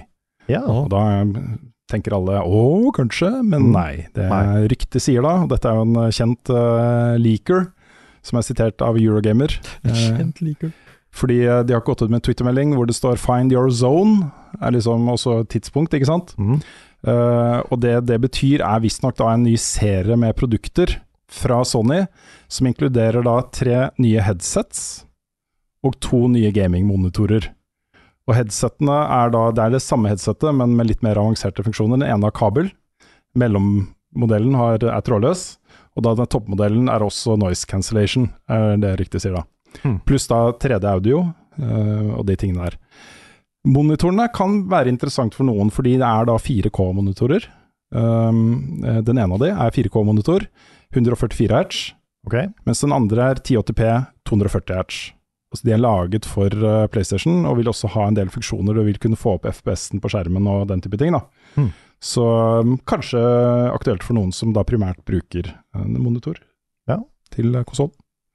De, um, jeg, jeg har et håp der om at prisen er eh, litt hyggeligere enn det vi ser prisen er for 4K-monitorer Ja. i dag, for det er ganske vilt nå. Det er ganske vilt, pluss at eh, mange av de skjermene er ikke egentlig så veldig gode. Mm. At det, det å på en måte få en god skjerm i 4K, Ja. er, det er vanskelig. da. Ja, det er det. Så eh, vi får følge med, se hva som faktisk kommer. Ja. Um, Fall Guys er nå free to play og cross-platform. Ja, Yeah. jeg lasta den på PS5 i går. Du gjorde det? Jeg gjorde det, jeg har ikke testa det ennå, Nei. men eh, jeg tenkte jeg skulle for det er- Det er såpass lenge siden jeg har spilt Fall Guys nå, Mm. at eh, jeg håper liksom nesten alle minigames er nye. Ja. For da blir det litt gøy igjen. Ja, men det, det tror jeg det er, Karl. Jeg håper det. Mm. Du vant jo der òg, så du er jo litt god. Jeg gjorde det, jeg vant eh, i starten. Ja. Mm. Fikk en crown. Jeg er litt imponert over hvordan de har klart å holde det som i utgangspunktet jeg oppfatta litt som litt sånn gimmicky. Hvor, le hvor lenge er dette gøy, på en måte? Mm. Men at de, de nå har en modell da hvor, eh, hvor eh, du skal kunne spille en stund. Jeg lurer på hvor mange som spiller det nå, for det var jo ekstremt svært i en måned. Mm. Og så eh, dabba det, av, og så ble Among us svært isteden. Stemmer det. Men eh, jeg vet ikke Jeg vet ikke hvor stor spillebasen er akkurat nå. Nei, det vet ikke jeg heller. Det kan jo bli større, da, nå som det er free to play. Så um, kanskje et nytt publikum. Det var jo gratis for oss i starten, som spilte på PlayStation. Stemmer. Og så har eh, da det finske studioet Housemark, som da blant annet er utvikleren av det BAFTA-vinnende spillet Returnal. Ja. De vant da BAFTA-pris for årets beste spill, og så fjorårets beste spill. Mm, bare som en sånn apropos ja. Så et, et av de beste, eh, kanskje mange mener da, det beste spillet som kom ut i fjor. Mange mener. Ja. Mm. Mm. Eh, De har vært ute og gjort et intervju hvor de har sagt at det neste spillet deres blir en helt ny IP. Og en IP er Intellectual Property, Stemmer. Ja. altså en, eh, en, noe helt nytt. Mm. Eh, Men de har også sagt da, at det var så mange ideer i forbindelse med utviklingen av Returnal som endte på, på klippebordet, som de håper da å kunne introdusere her. Og de hinter jo om at det neste spillet også vil være Rogue Light. eh, Ok. Ok. At det ville ha i hvert fall Rogue-elementer. Mm. Um, så um, sier de også at det var et helt nytt team som lagde Returnal. Det var første gangen det teamet hadde sittet og jobba sammen og laget spill, og det største prosjektet og mest ambisiøse prosjektet til Housemark noen gang. Ja, de var jo kjent for sånn shmups og Ja, ja, ja. mm, Sånn veldig fokuserte, enkle, kule små spill, på en måte. i- Ja, mye mindre, da, i Mm. skala. Eh, og det de sier i det intervjuet er jo litt interessant, fordi nå er, har det teamet et spill i beltet. Et spill som er så bra at det vinner BAFTA, da, Mm. for eh, beste spill. Gir det inn. Det er ikke så Eh, sikker på hva det er. Ja, da skal du lage et spill til, ikke sant. Mm. De har erfaring. Ja, jeg håper de fortsetter i det sporet. Altså. Ja, samme Fordi, eh, altså, gameplay i Returnal er sånn toppklassespill. Ja, det er helt amazing. Det, er- det gunplay der er bare noe av det beste jeg har spilt av sånt. Jeg har ikke noe problem med gameplay. Mm. Skal sies, altså. Jeg digger gameplay. Ja. Um, de utelukker heller da ikke muligheten til å vende tilbake til Returnal, men det blir da etter dette prosjektet. Mm. Det er litt som å lage en oppfølger til Hellblade, føler jeg. Det er vanskelig Det er å vanskelig. gjøre det, liksom, å rettferdiggjøre det. Ja, hva er vitsen, liksom? Ja, men jeg tenker at hvis de skal gjøre det igjen, da Det jeg ønsker meg mest av en oppfølger til Returnal, er en ny hovedperson og en ny traume og en ny setting. Mm. Ja, Øh, Mm. Og en historie. ja, det kan godt være en like god historie som i Returnal, Ja. og fortalt like bra, da. Men Så- ny traume, det er litt sånn gøy hvis hvert Returnal er en ny traume. Ja. Så blir det sånn the trauma, the trauma Cinematic Universe. Ikke sant? Mm. Ja. Hva skal det være denne gangen? Skilsmisse? Ja. Ja, men det kunne jo være ikke sant, at kanskje Kanskje Helios eller noe sånt. Et eller annet f- element fra Returnal. Ja, sånn ja, at det er litt connections. Et, en eller annen connection. Ja, det kan hende. Det At- kunne jo fungert da, hvis det var en god, en ordentlig historie der. Jeg, jeg, bare- jeg bare sier det. altså. Ja. Nå tenker jeg penger her. Det kunne blitt en så svær franchise. Ja. Men, men alas. Og så det er en siste nyhetssak, og det gjør jeg litt fordi jeg har, nå er jeg litt sånn show and tell. Mm. Og det er jo litt eh, dårlig gjort da i en lydpodkast. Ok. Men eh, det er nå mangel på trådløse Xbox- Xbox-kontrollere i hele Europa. Å ja. Og Microsoft eh, jobber for harde livet med å, ti- eh, å dekke etterspørselen. Um, og da viser det seg at jeg har jo akkurat fått en Ja. tilsendt i posten. Ok. Og det er jo fordi nå er Xbox Design Lab, altså det er jo den tjenesten hvor du Ja. skal kunne designe din egen kontroller. Ja, det, det, jeg ja. har sett bilder fra de. De som Ja. har sånn regnbueflagg og sånne Du ting. kan velge hva du vil. Ja. Um, det er masse masse alternativer der. Nå Ja. er den tilgjengelig i Norge, og det skjedde bare for en uke eller to, si- to siden. Mhm. Og Da fikk jeg jo tilbud noen uker før den ble lansert i Norge, om at ikke Level Up eh, hadde lyst til å lage en. Da får jeg da muligheten til å vise fram den. Åh. Men skal vi se. Det- Dette er da min Å, den Sånn er Ja, så der gul! er det. Gul og ja, blå. Jeg hadde egentlig først tenkt også å lage en til deg, Nick. Og så skrive Nick sin. Nå står det Rune sin, står det på den her nå. Ja, ok. Så du, du hadde egentlig en idé, og så bare Jeg hadde Nei, jo det. jeg vil ha den Og så sjøl. tenkte jeg, tenkte jeg at kan du beholde noe, noe av ideen, for den skulle være helt gul. Den er Ja. Mm. da eh, mørk, grå og gul. Aha. Og så selve liksom, eh, skroget er grått. Og så er alle triggerknappene og sånt, og spakene og sånt, er gule. Å, så kult. Ja, den der ser veldig stille ut. Mm. Um, tjenesten er veldig god, altså. men Du betaler jo ganske mye for en kontroller. eh, Med frakt opp mot 1000 kroner, tror jeg. Ja, det er såpass, ja. Ja, jeg tror det er såpass. Det husker jeg ikke helt, da.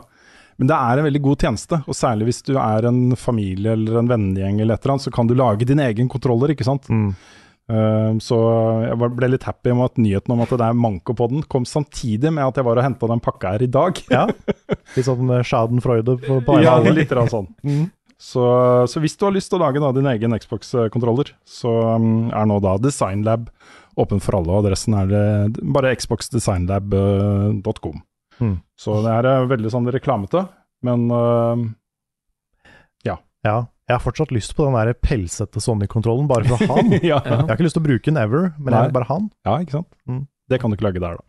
Så jeg kan faktisk lage en helt gul kontroll. Du kan lage en helt gul kontroller, Nick. Wow! sånn. Mm. Forskjellige shades av gul, kanskje?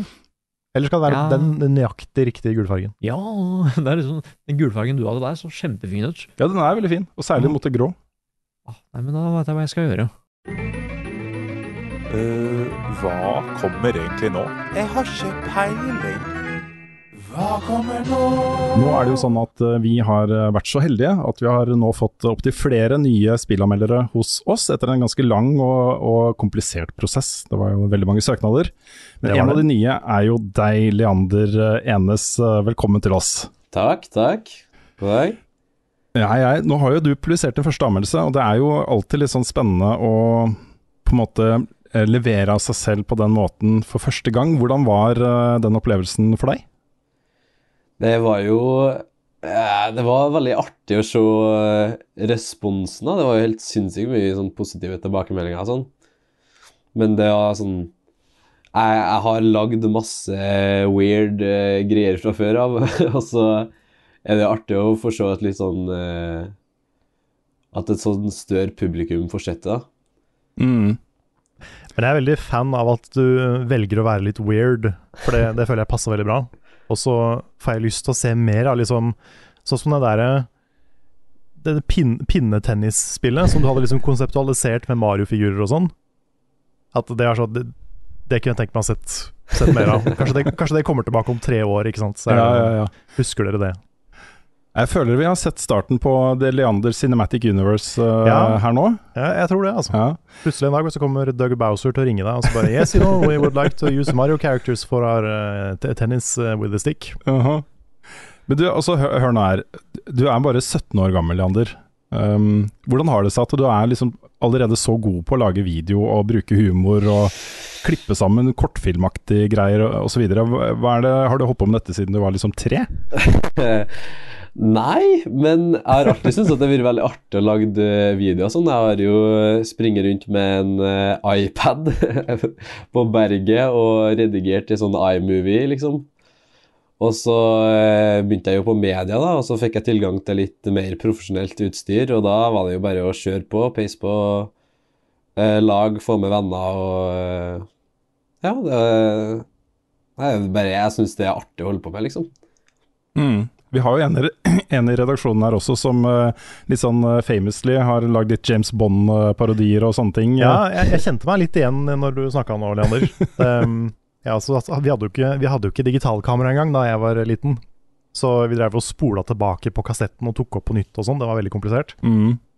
Ehm, nå følte jeg meg veldig gammel når jeg sa det. Ja, men da jeg var liten, så hadde vi bare de der eh, kameraene du måtte ha sånn der eh, svart teppe over Ja, for at ikke det skulle slippe inn lys og sånt. mm, Mm. Måtte tegne filmen sjøl. Ja, på en måte. Mm. Og så måtte du stå helt stille i eh, 20 minutter. Yes. Mm.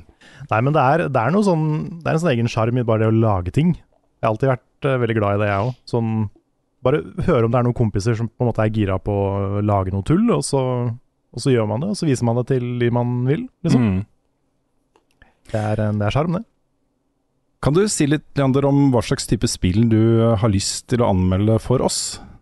Eh, det er mye forskjellig, ass. Jeg eh, har sagt det før òg, men sånn eh, Jeg har liksom Jeg s- jeg har spilt veldig mye sånn indiespill og jeg vokste opp med Minecraft og diverse sånn, men eh, nå har jeg liksom eh, fått et litt bredere spekter da, og prøver litt forskjellige opplevelser og sånn. Mye sånn Triple A og ja, ganske mye forskjellig. Jeg spilte Uncharted, alle Uncharted-spillene, og så har jeg gått gjennom eh, prøvd å gått gjennom den gamle sånn PlayStation-plattformer-katalogen med Jack and Daxter og Sly Cooper og Rush and Clank og dem der. Mhm. Og så akkurat nå så sitter jeg og spiller Near Automata. Så det er litt sånn, det er mye diverse, men eh, som flere i redaksjonen nå, så er jeg ekstremt dårlig på skrekkspill. Å ja. Mm. Der eh, sliter jeg litt. Men sånn jeg, jeg tåler litt sånn psykologisk, men når det kommer til sånn jump scares og alt det der, det takler ikke jeg, altså. Jeg bare syns det er så fælt. Så du skal ikke spille The Quarry med det første? Jo, kanskje, for at da blir det noe annet når det er masse venner som sitter i en sofa, for eksempel. Da, det tror Ja. jeg det er, Ja, for det er en derfor, annen det er derfor jeg får opplevelse. det til. Ja. Mm.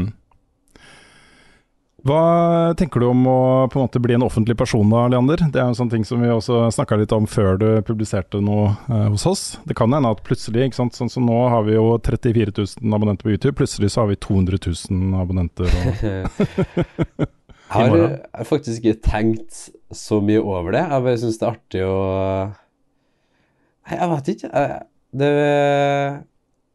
Nei, jeg, jeg- nei det syns jeg er vanskelig å tenke på. Men eh, jeg, Mm. jeg, jeg tror ikke jeg ser noe bort ifra at det er litt Det er i hvert fall litt spennende, da. du er jo litt allerede litt sånn eh, out there, holdt jeg på å si. Du var jo også med på eh, kortfilmfestivalen for eh, unge, hva, hva heter den Ja, festivalen? Amandus. Amandus. Nettopp. Med da, du fikk jo antatt to kortfilmer til den festivalen. Og ja, det var veldig kult. Så eh, er det på en måte en retning du tenker å gå eh, framover, liksom? Eller Filmskaping? Jeg tror det. Jeg syns alltid sånn kreativt, kreativt arbeid er veldig Det er liksom det som interesserer meg mest.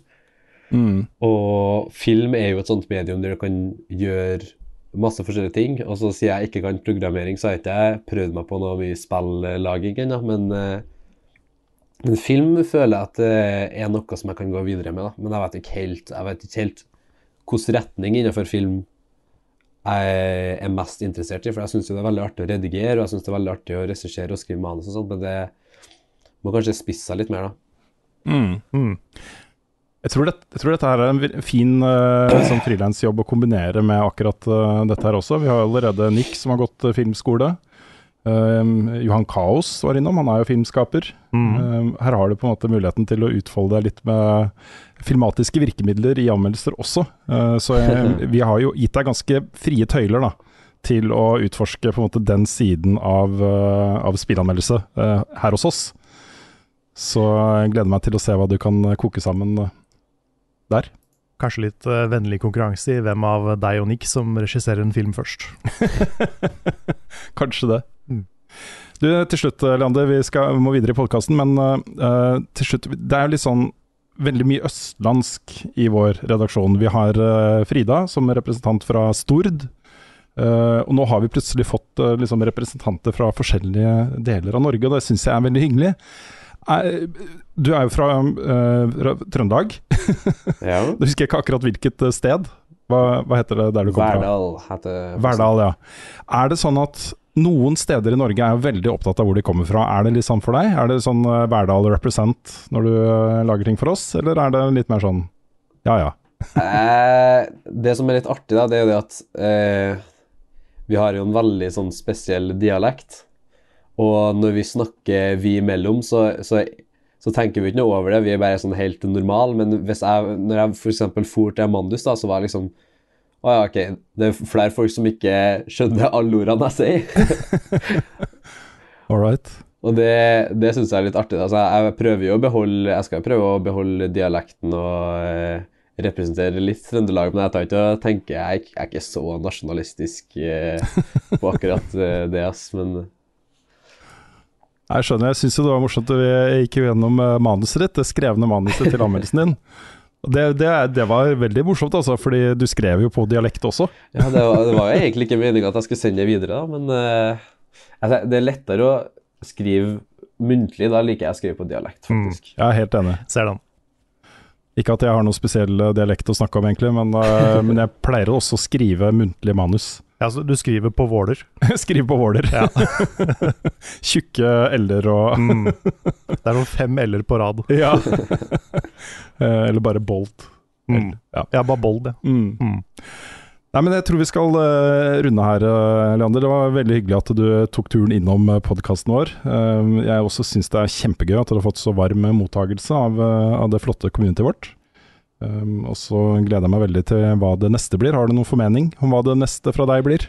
Jeg skal vel eh, eksperimentere litt til, da. Prøve, prøve litt forskjellig. Og så er det jo en video som, eh, som kanskje er på gang i planleggingsfasen allerede, som eh, dukker opp etter hvert. Ja, Det blir eh, veldig veldig spennende. Velkommen til oss, og så Takk. masse, masse lykke til, altså. Jo, jo. Snakkes.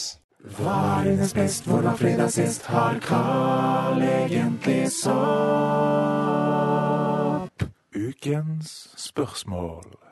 Det er sommer og sol, så vi begynner med et spørsmål fra Jon Magnus Restad.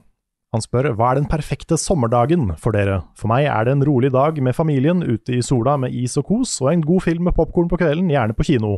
Himmelsk. Hva syns vi? Nei, s- egentlig, egentlig bare sitte inne og game. Ja. Mm, ja. Egentlig, hvis jeg skal være helt ærlig med meg selv. ja, det er jo en ærlig sak, det. Ja. Jeg er jo litt der, jeg òg, men jeg, hvis det skulle vært den, per- den perfekte sommerdagen, Mm. så det måtte vært noe gaming. Kanskje noe binging av noen TV-serier eller sånn, Ja. med litt eh, godis eller sånn. Mm. Men kanskje liksom Dette er jo ikke en hverdag-ting, men av og til. Liksom ta en tur på Friday, så ta en daiquiri. En strawberry daiquiri. Et eller annet kaldt, ikke sant? ja. For det er litt sånn god temperatur ute. Mm. Så ja. Mm. Nei, jeg- jeg overdriver litt, da. ja. Sånn som- og is. Masse is. Ja, masse is, Ja, selvfølgelig. Kjempe-is. Jeg tror Sånn som I går så var jeg med familien på en eh, Nå bo- bor vi jo, som jeg nevnte tidligere i podkasten, på Nesodden. På en Mhm. Airbnb-leilighet der. Og der nede ved eh, der ferja går, så er det en, eh, en restaurant som jeg ikke husker het, hva heter i farta, eh, hvor de har veldig god pizza. Da satt vi da på takterrassen eh, og tok en halvliter. Mhm. Bare deler av familien, da, ikke hele familien. Deler av familien tok seg en halvliter, resten av familien tok seg en cola. Ja, altså de, de yngste tok en cola. Ja. Ja. Eh, og spiste pizza. Det var veldig kult, også med sånn derre sola som gikk ned, og du så Oslo i det fjerne, og vannet og, ja. og sånt. Det er veldig sommer, altså. Mm. Veldig digg å sitte ute og spise og drikke. Det syns jeg er ålreit. Det er ikke så mange måneder i året vi kan gjøre det her i Norge. Nei. Jeg er litt sånn insektparanoid, jeg. Ja, Jeg liker ikke når det kommer veps og mygg og sånn når jeg sitter ute og spiser. Mm. Ja, Så jeg sånn. blir sånn redd for at de skal komme i maten min og sånn. ja. ja, det er ikke noe særlig det, det også. Det var ikke så mye insekter der. Nei.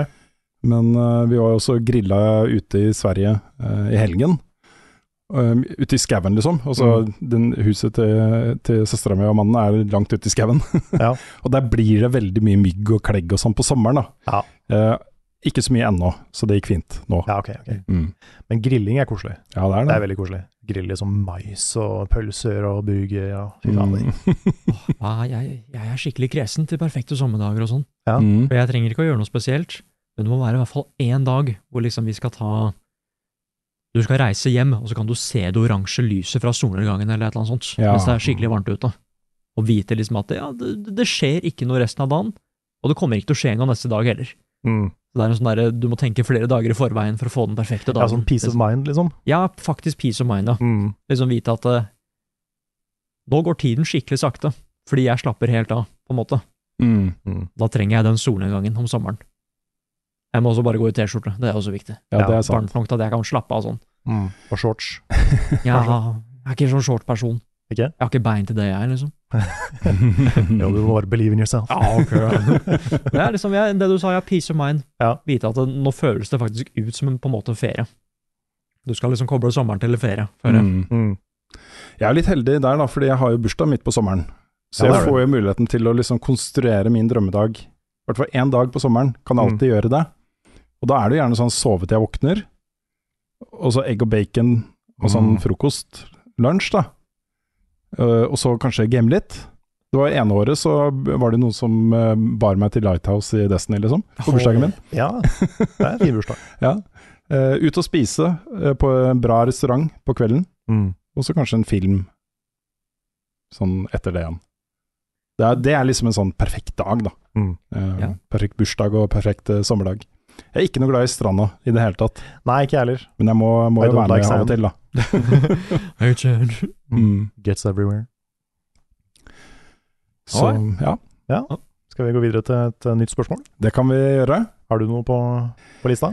Jeg kan ta et her fra Silacoid som påpeker noe som jeg syns er ganske viktig. Ok. Eh, han skriver da på Microsoft sin pressekonferanse så presenterte de som vanlig en hel drøss med spill som de latet som var eksklusive.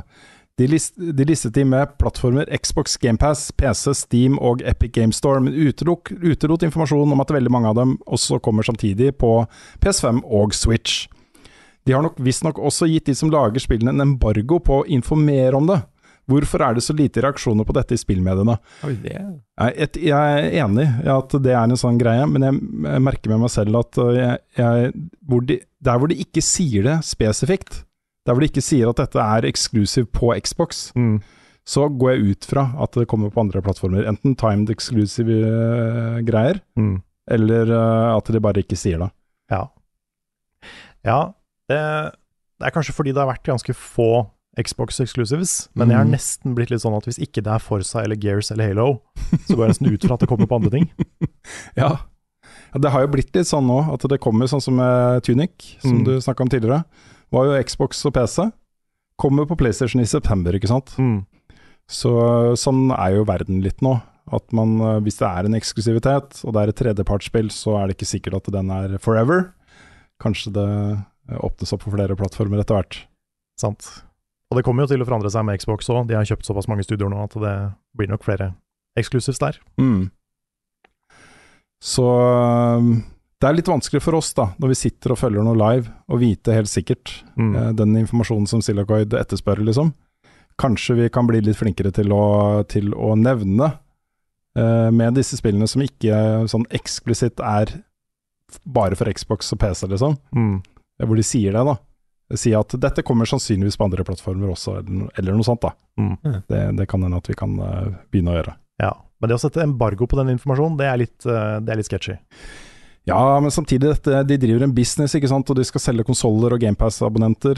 Ja, Mm. men det føles litt uærlig, bare. Ja, det er litt uærlig. Ja. Ja. Det er sånn hvis du, hvis du vil at folk skal kjøpe på den konsollen, så må du bare ha den beste konsollen, da. Det er jo litt, litt der. De har jo den beste eh, abonnementstjenesten. Det har de. Selv, det- selv etter at, uh, at uh, nye PlayStation Plus er ute, syns jeg, da. Ja, ja, ja. PlayStation Plus kan ikke måle seg med GamePass.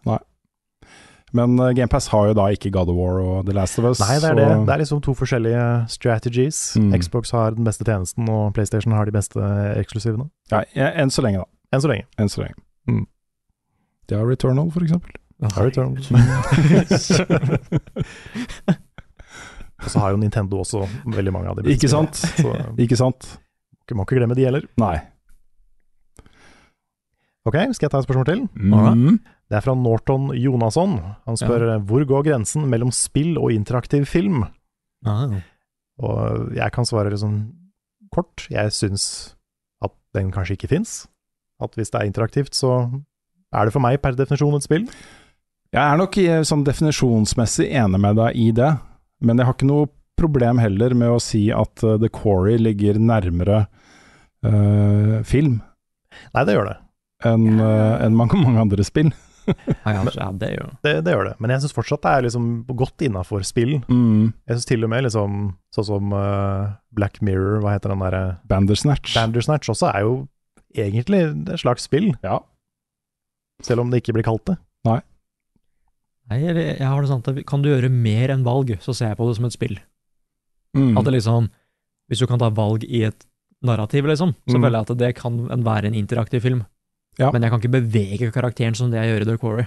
Liksom. Da er Men Nei. det samtidig overfor Altså, er det så, spill. er så begrensa bevegelsesfrihet du har, da. De er så Ja, men- lukka, ja, men det de er ikke- områdene. Ja, men det er jo ikke bare det, da. Det er liksom, du har jo ikke quicktime events i en interaktiv film. Nei. nei. Åh, det hadde vært morsomt på kino, ass. Liksom, ja. hvor mange klarer den ene tingen, liksom? Men Ja. jeg, jeg prata med Frida om det, hvis de noen gang kommer til Sonic Forces i Sonic-filmen. Ja. Så liksom, før du går inn i kinosalen, så må du lage deg en figur Å ja, sånn. ja. som er en del av filmen. Ah. Wow. Det er, Tenk det, det er dyrt og kanskje litt dumt, men Ja, det er jeg veldig vet ikke, jeg vet ikke åssen det skulle funka teknisk, men Ellers en ganske god idé. ja, Nei, ideen er liksom mm. Men nei, men for eksempel Until Dawn, jeg ser jo mer på det som et spill. Det er et veldig filmaktig spill, men jeg Mm. ser mer på det som et spill. Ja da. fordi du må faktisk Du må faktisk gjøre noe, liksom. Mm. Du kan ikke bare ta vanskelige valg, og sånn. Du, må- du må faktisk spille litt her òg. Mm. Men det er, så, det er så mange som på en måte har prøvd å definere spill ut ifra liksom regler som de har funnet litt på. da. Mm. Sånn som spill må ha en fail state, eller spill må ha sånn og sånn. Jeg har aldri vært enig i noe av det. Jeg er enig, det er jeg også enig med Det deg altså. er i, sånn, Spill er på en måte bare la- La det utforske sitt eget medium og være hva det vil. altså. Mm. Men eh, jeg vet ikke. Jeg, jeg, jeg syns ikke egentlig det er så stor forskjell på spill og interaktiv film. Jeg, jeg ser på det litt som samme ting. Ja, det er sant. Jeg har du et spørsmål, Nick? Skal vi se. Det er fra Jeg holdt på, holdt på å si Marius Renn.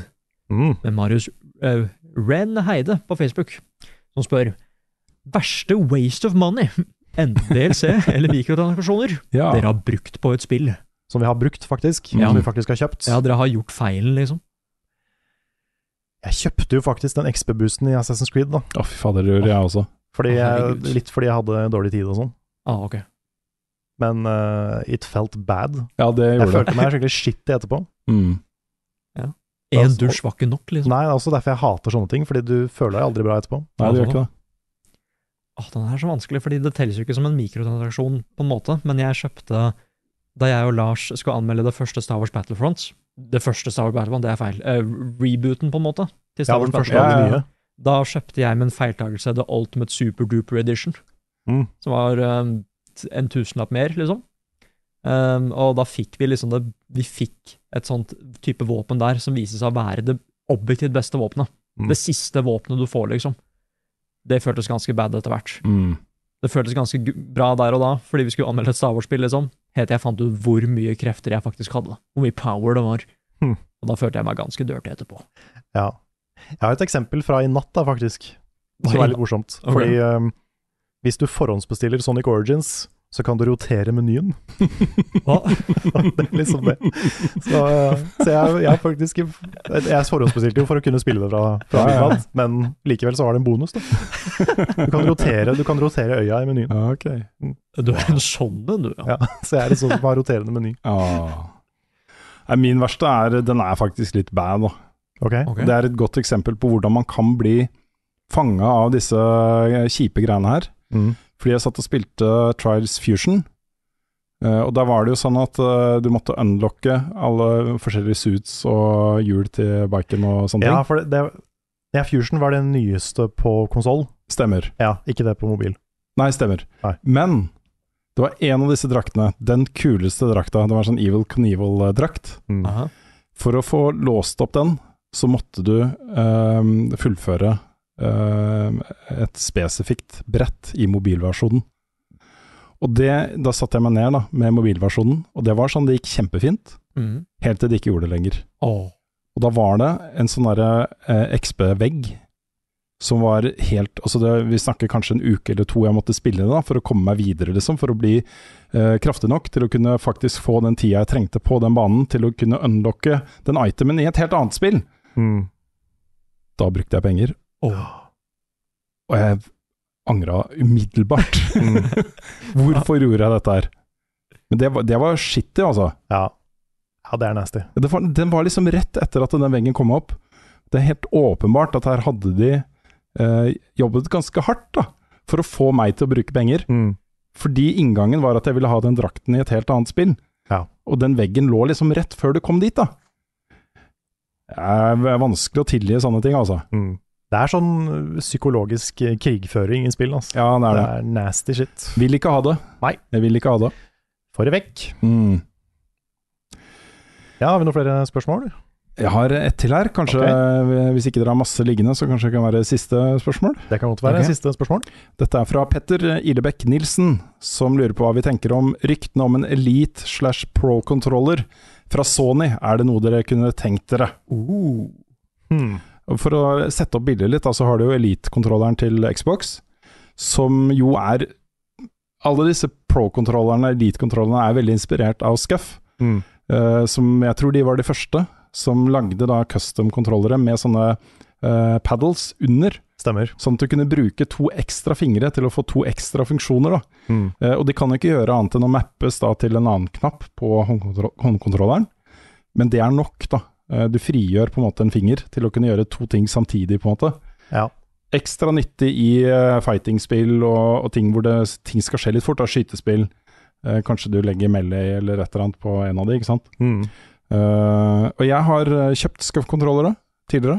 Eh, aldri helt vent meg til å bruke de paddlesene, så de har føltes litt sånn unødvendig innkjøp. Mm. Men dette er en vanesak, da.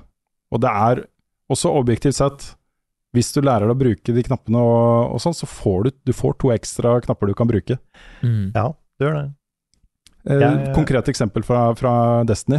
Mm. Eh, I Trials så var det sånn at jeg kunne ikke eh, sikte, skyte og revive samtidig. For da hadde kombinasjonen av taster da var ikke mulig å få til. Så jeg kunne enten revive eller sikte og skyte. Så, jeg, ku- så hvis jeg var midt i en revive av noen, ikke sant? Så, og noen begynte å skyte på meg, så kunne jeg ikke skyte tilbake, eller så måtte jeg avslutte reviven. Ja, Ok. ja, ok. Her kunne du bare mappe da firkant til Mm. eh, p- eh, paddlesene under, ikke sant? Og fortsatt revive og sikte og skyte. Ha. Det er en ganske vesentlig forskjell. Ja, det er litt, eh, liten buff, ja. Mm. Jeg har heller ikke hatt noen særlig spill hvor jeg har følt at jeg har trengt de ekstra knappene. Men jeg har jo en Xbox Elite hjemme, Mm. som jeg bruker på PC. Og den er jo veldig digg, liksom. Mm. Det er en bra kontroll. Ja. Så hvis det bare er en bra men Så syns jeg liksom PS5-kontrollen er jo digg fra før, da. Ja. Den Sånn er det. Jeg savner ikke så mye i den, egentlig. Nei, jeg har nok fingre, liksom. Ja, jeg har egentlig det. Det er den eneste jeg kan tenke meg, for jeg, har jo, jeg kjøpte jo faktisk en sånn MMO-mus til Mm. eh, Final Fantasy 14. Så jeg har jo sånn tolv knapper på sida av musa. Ja. Og hadde jeg spilt det spillet med kontroll, så hadde jeg nok eh, følt litt mer behov for Mm. flere knapper. Men eh, jeg gjør ikke det nå, altså. Jeg driver og sikrer på en helt annen kontroller nå, da. Det er også en så genial idé at, uh, at uh, det her det tror jeg kanskje jeg kommer til å kjøpe. Men det er noen som har laget, jeg vet ikke, husker ikke hvem det er i farta. Mm. De har laget sånne f fotpedaler, Å ja. hvor du har foten din inni en sånn uh, s- Som en sånn trommeting, Mhm. liksom. Men du kan Ok. også ta foten din til høyre og venstre, så det er knapper på sidene. Og så er det knapper ned, da. Så du får tre knapper på hver fot. Ha. Uh, og du kan seriekoble, du kan til og med seriekoble opp til fire sånne greier, ikke sant. Og flytte foten din, da. ja. Det er en orgel. Et lite sånn orgel. Ja. ja. Eh, men det er en veldig god idé, for da har du ikke sant? Du sitter jo bare der med føttene dine. Ikke sant? Mm. Kan du mappe det til noe som du bruker eh, ofte nok til at det er naturlig å Mm. ha det der, ikke sant? Du, du kan på en måte videreføre den tanken, da. Sånn, Ja. ja. Du sitter bare der med nesa di, du sitter bare der med Så til slutt så har du knapper overalt. Ja, men du kan jo i praksis bare skaffe en sånn eh, adaptive kontroller fra Microsoft. Ja, men Som- sånn, altså for accessibility så er det jo genialt. Ja, ja, men du kan også b- bruke det selv om du er, eh, ikke har Ja. funksjonsnedsettelser. Til å bare Ok, en knapp på eh, albuen, og Mm. dyrdyr, så sitter du der og har bare full kontroll, Ja. ikke sant. Mm. Et lite trommesett, på en måte. Ja, Mm. Ja. Nei, men det er, det er kult det, at det er litt options. Jeg har jobba litt med dette her før, vet du, fordi det var en periode der vi drev og spilte Quake 3 og sånne ting, hvor eh, dette var før det kom sånn skikkelig pro-kontrollere til PC. Mm. Det var liksom mus og tastatur og that's it. Eh, men så begynte det å etter hvert, da, men det, dette var jo lenge før det, begynte etter hvert å komme egne tastaturer laget for FPS, som hadde en litt mer sånn ergonomisk plassering av fingrene og, og sånne ting, og litt mer sånn naturlig, lettere å komme til knappene enn Mm. på et flatt tastatur. Mm. Eh, og de har jo aldri tatt helt av, men det er jo et marked for det, liksom. Så vi tegna, vi tegna til og med sånn, lagde 3D-modell av det vi kalte the fragboard, Ok. som hadde Det så ut sånn som disse kontrollerne har begynt å se ut, da. Hmm. Eh, og han tenkte masse på det. Det var eh, Vi hadde registrert domene og alt, liksom. Tenkte å varemerkebeskytte navnet fragboard og Mm. alt mulig rart. Så Det er litt rart at ikke det er blitt mer populært med sånn en eller annen form for ergonomisk tastatur. For det er jo liksom bare en kloss med masse knapper på. Mm. Ja. Det må jo gå an å forbedre det. Ja. Mm. Jeg tror grunnen til at ikke det tar helt av, er at hvis man først bare venner seg til å bruke tastaturer, liksom, så er jo det også noe du kan bruke i hverdagen. Ja. Når du skal skrive søknader til jobb, eller Ja, men jeg, jeg tenker til det òg, da. Ja. At det fins jo sikkert smartere måter å, å lage det på. Ja, for det fins jo et, eh, et, et Det mest eh, ergonomiske tastaturet jeg har sett, er jo delt i to. Hvor du har liksom en del f- per hånd, og så kan du holde det litt mer fritt og litt mer adskilt øh, enn det et, et, flast, et fast tastatur, flatt Mm. tastatur er, da. Ja. Eh, så det, det fins jo. Ja, Um, for det må jo gå an å innovere på det. tenker ja, jeg. kanskje det. Mm. Jeg er veldig glad i de der standalone eh, FPS-kontrollerne, Mm. som er liksom bare vast og noen andre taster, pluss en sånn tommel, så kan du ha litt flere funksjoner på samme tast og, Ja. og sånne ting. De, de er ganske digge, altså. Men eh, jeg kommer nok til å skaffe en pro-kontroller til PlayStation 5 også. Fordi det er bare fordi. Mm. Det er, Fordi det that's, how, finnes. that's how I roll. Ja. ja, hvis den blir gul og sånn. Ja, ikke ja, sant? hvis jeg kan gjøre den litt kul, Ja. hvis jeg kan designe den sjøl, sånn som med Xbox-kontrollen, Mm. da kanskje. Ja, for det er et enkelt kjøp for min del. Ja. ja, Hvis jeg kunne på en måte gjort det til en litt mer sånn fashion accessory, Mm. så kanskje. Kanskje. Men jeg har ikke, jeg har ikke det tekniske behovet, føler jeg. Dette du har hørt på nå er en podkast utgitt av eh, moderne media. Mm. Ehm, He's doing it. Takk Gud for det. det var alt jeg huska. Å, ja, Nei! Er det det? Ikke s- Ja, hva var det neste? Det er låten i introen. og Låten i outroen introen er at er, hun er skrevet av Ole Sønnik Larsen. Det stemmer. Å, Og eh, komponert og fremført av Kyosho Orchestra. Ja. De har tatt seg full frihet med eh, tema som Ole Sønnik Larsen lagde for oss i VG-tiden. Det stemmer. Mm. Eh, vignettene er lagd av eh, Martin Herfjord. Å, ja. Det stemmer. Fantastiske Martin Ja, Herfjord, som han det også glemte heter. jeg. Det glemte jeg. Mm. Eh, og så lager vi jo masse innhold, og du finner alt det innholdet, nesten alt det innholdet, på youtube.com slash levelupnord. Nice. Stemmer. Det er vår eh, YouTube-kanal. Mm. Og hvis du liker det vi driver med, og har lyst til å backe oss og sponse oss, så vi kan fortsette med det, så har vi en Patreon-side på Mm. patreon.com slash levelupnorge. Å, Japp. nice, nice. Og der kan du støtte oss med så mye eller så lite du bare vil. Ja, og det er eh, fortsatt en eh, utrolig viktig del av inntektsgrunnlaget vårt, og eksistensgrunnlaget vårt. Det er sant. Så Det er det. tusen takk til alle dere som, eh, som backer oss på Patron. Hjertelig tusen takk. Jeg tror Twitch skulle inn før der. Både Twitch og Discord og sånne Ja, ting. vi, vi streamer på Twitch, på Mm. Twitch TV slash levelupnord. Yes. Og så har vi en Discord, Ja. som er eh, discord.gg slash levelupnord. Det tror jeg kanskje er Norge. Det er Norge, det er Norge. Ja. Levelup Norge. Og så har vi en eh, merch-shop, hvor du bl.a. kan kjøpe eh, et helt eh, ganske nytt design i anledning Pride Month. Stemmer. Og det kommer til å fortsette å være der etter pride også. Absolutt. Vi skal, absolutt. ikke, vi skal ikke bare være pride i, i juni. Nei. og Hvor også hele overskuddet fra salget av den T-skjorta går til eh, Fri. Stemmer? Eh, den er på eh, eh, levelupnorge.myspreadshop.no. .no. Det stemmer. Mm. Nå tror jeg vi har vært gjennom det meste. Å, dere er så flinke, altså. Ja. Frida er best på det her. ja, Frida Så er det- klart best. Så vi må bare prøve å catche opp, liksom. Ja, Du har ikke jo sant. fått å hamre inn, liksom. Ja, ja, ja. Men også en veldig god bedring til Frida. ja Ja. masse god bedring. Håper du er til Frida. tilbake neste uke, og håper du er eh, frisk så fort som overhodet mulig. Ja. Yeah. For vi skal lage podkast neste uke, og sikkert Det skal vi. uka etter der og uka etter der også. Mm. Vi skal prøve å fylle sommeren med podkaster fra, fra oss. Pluss andre ting. Pluss andre ting. Det kommer eh, sommerunderholdning fra Oh oss. yes. Blir bra. Men da høres vi igjen neste uke.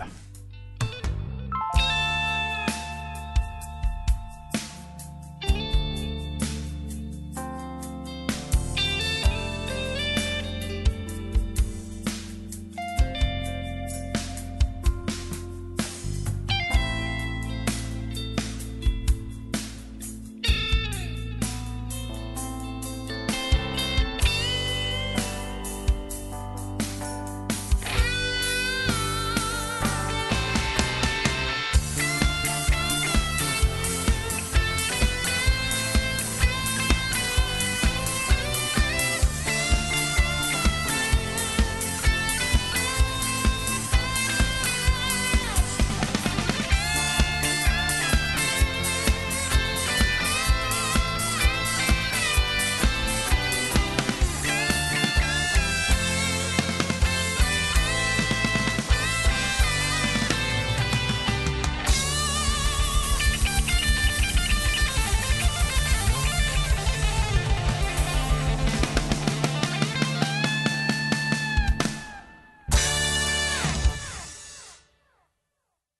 Har du et enkeltpersonforetak eller en liten bedrift?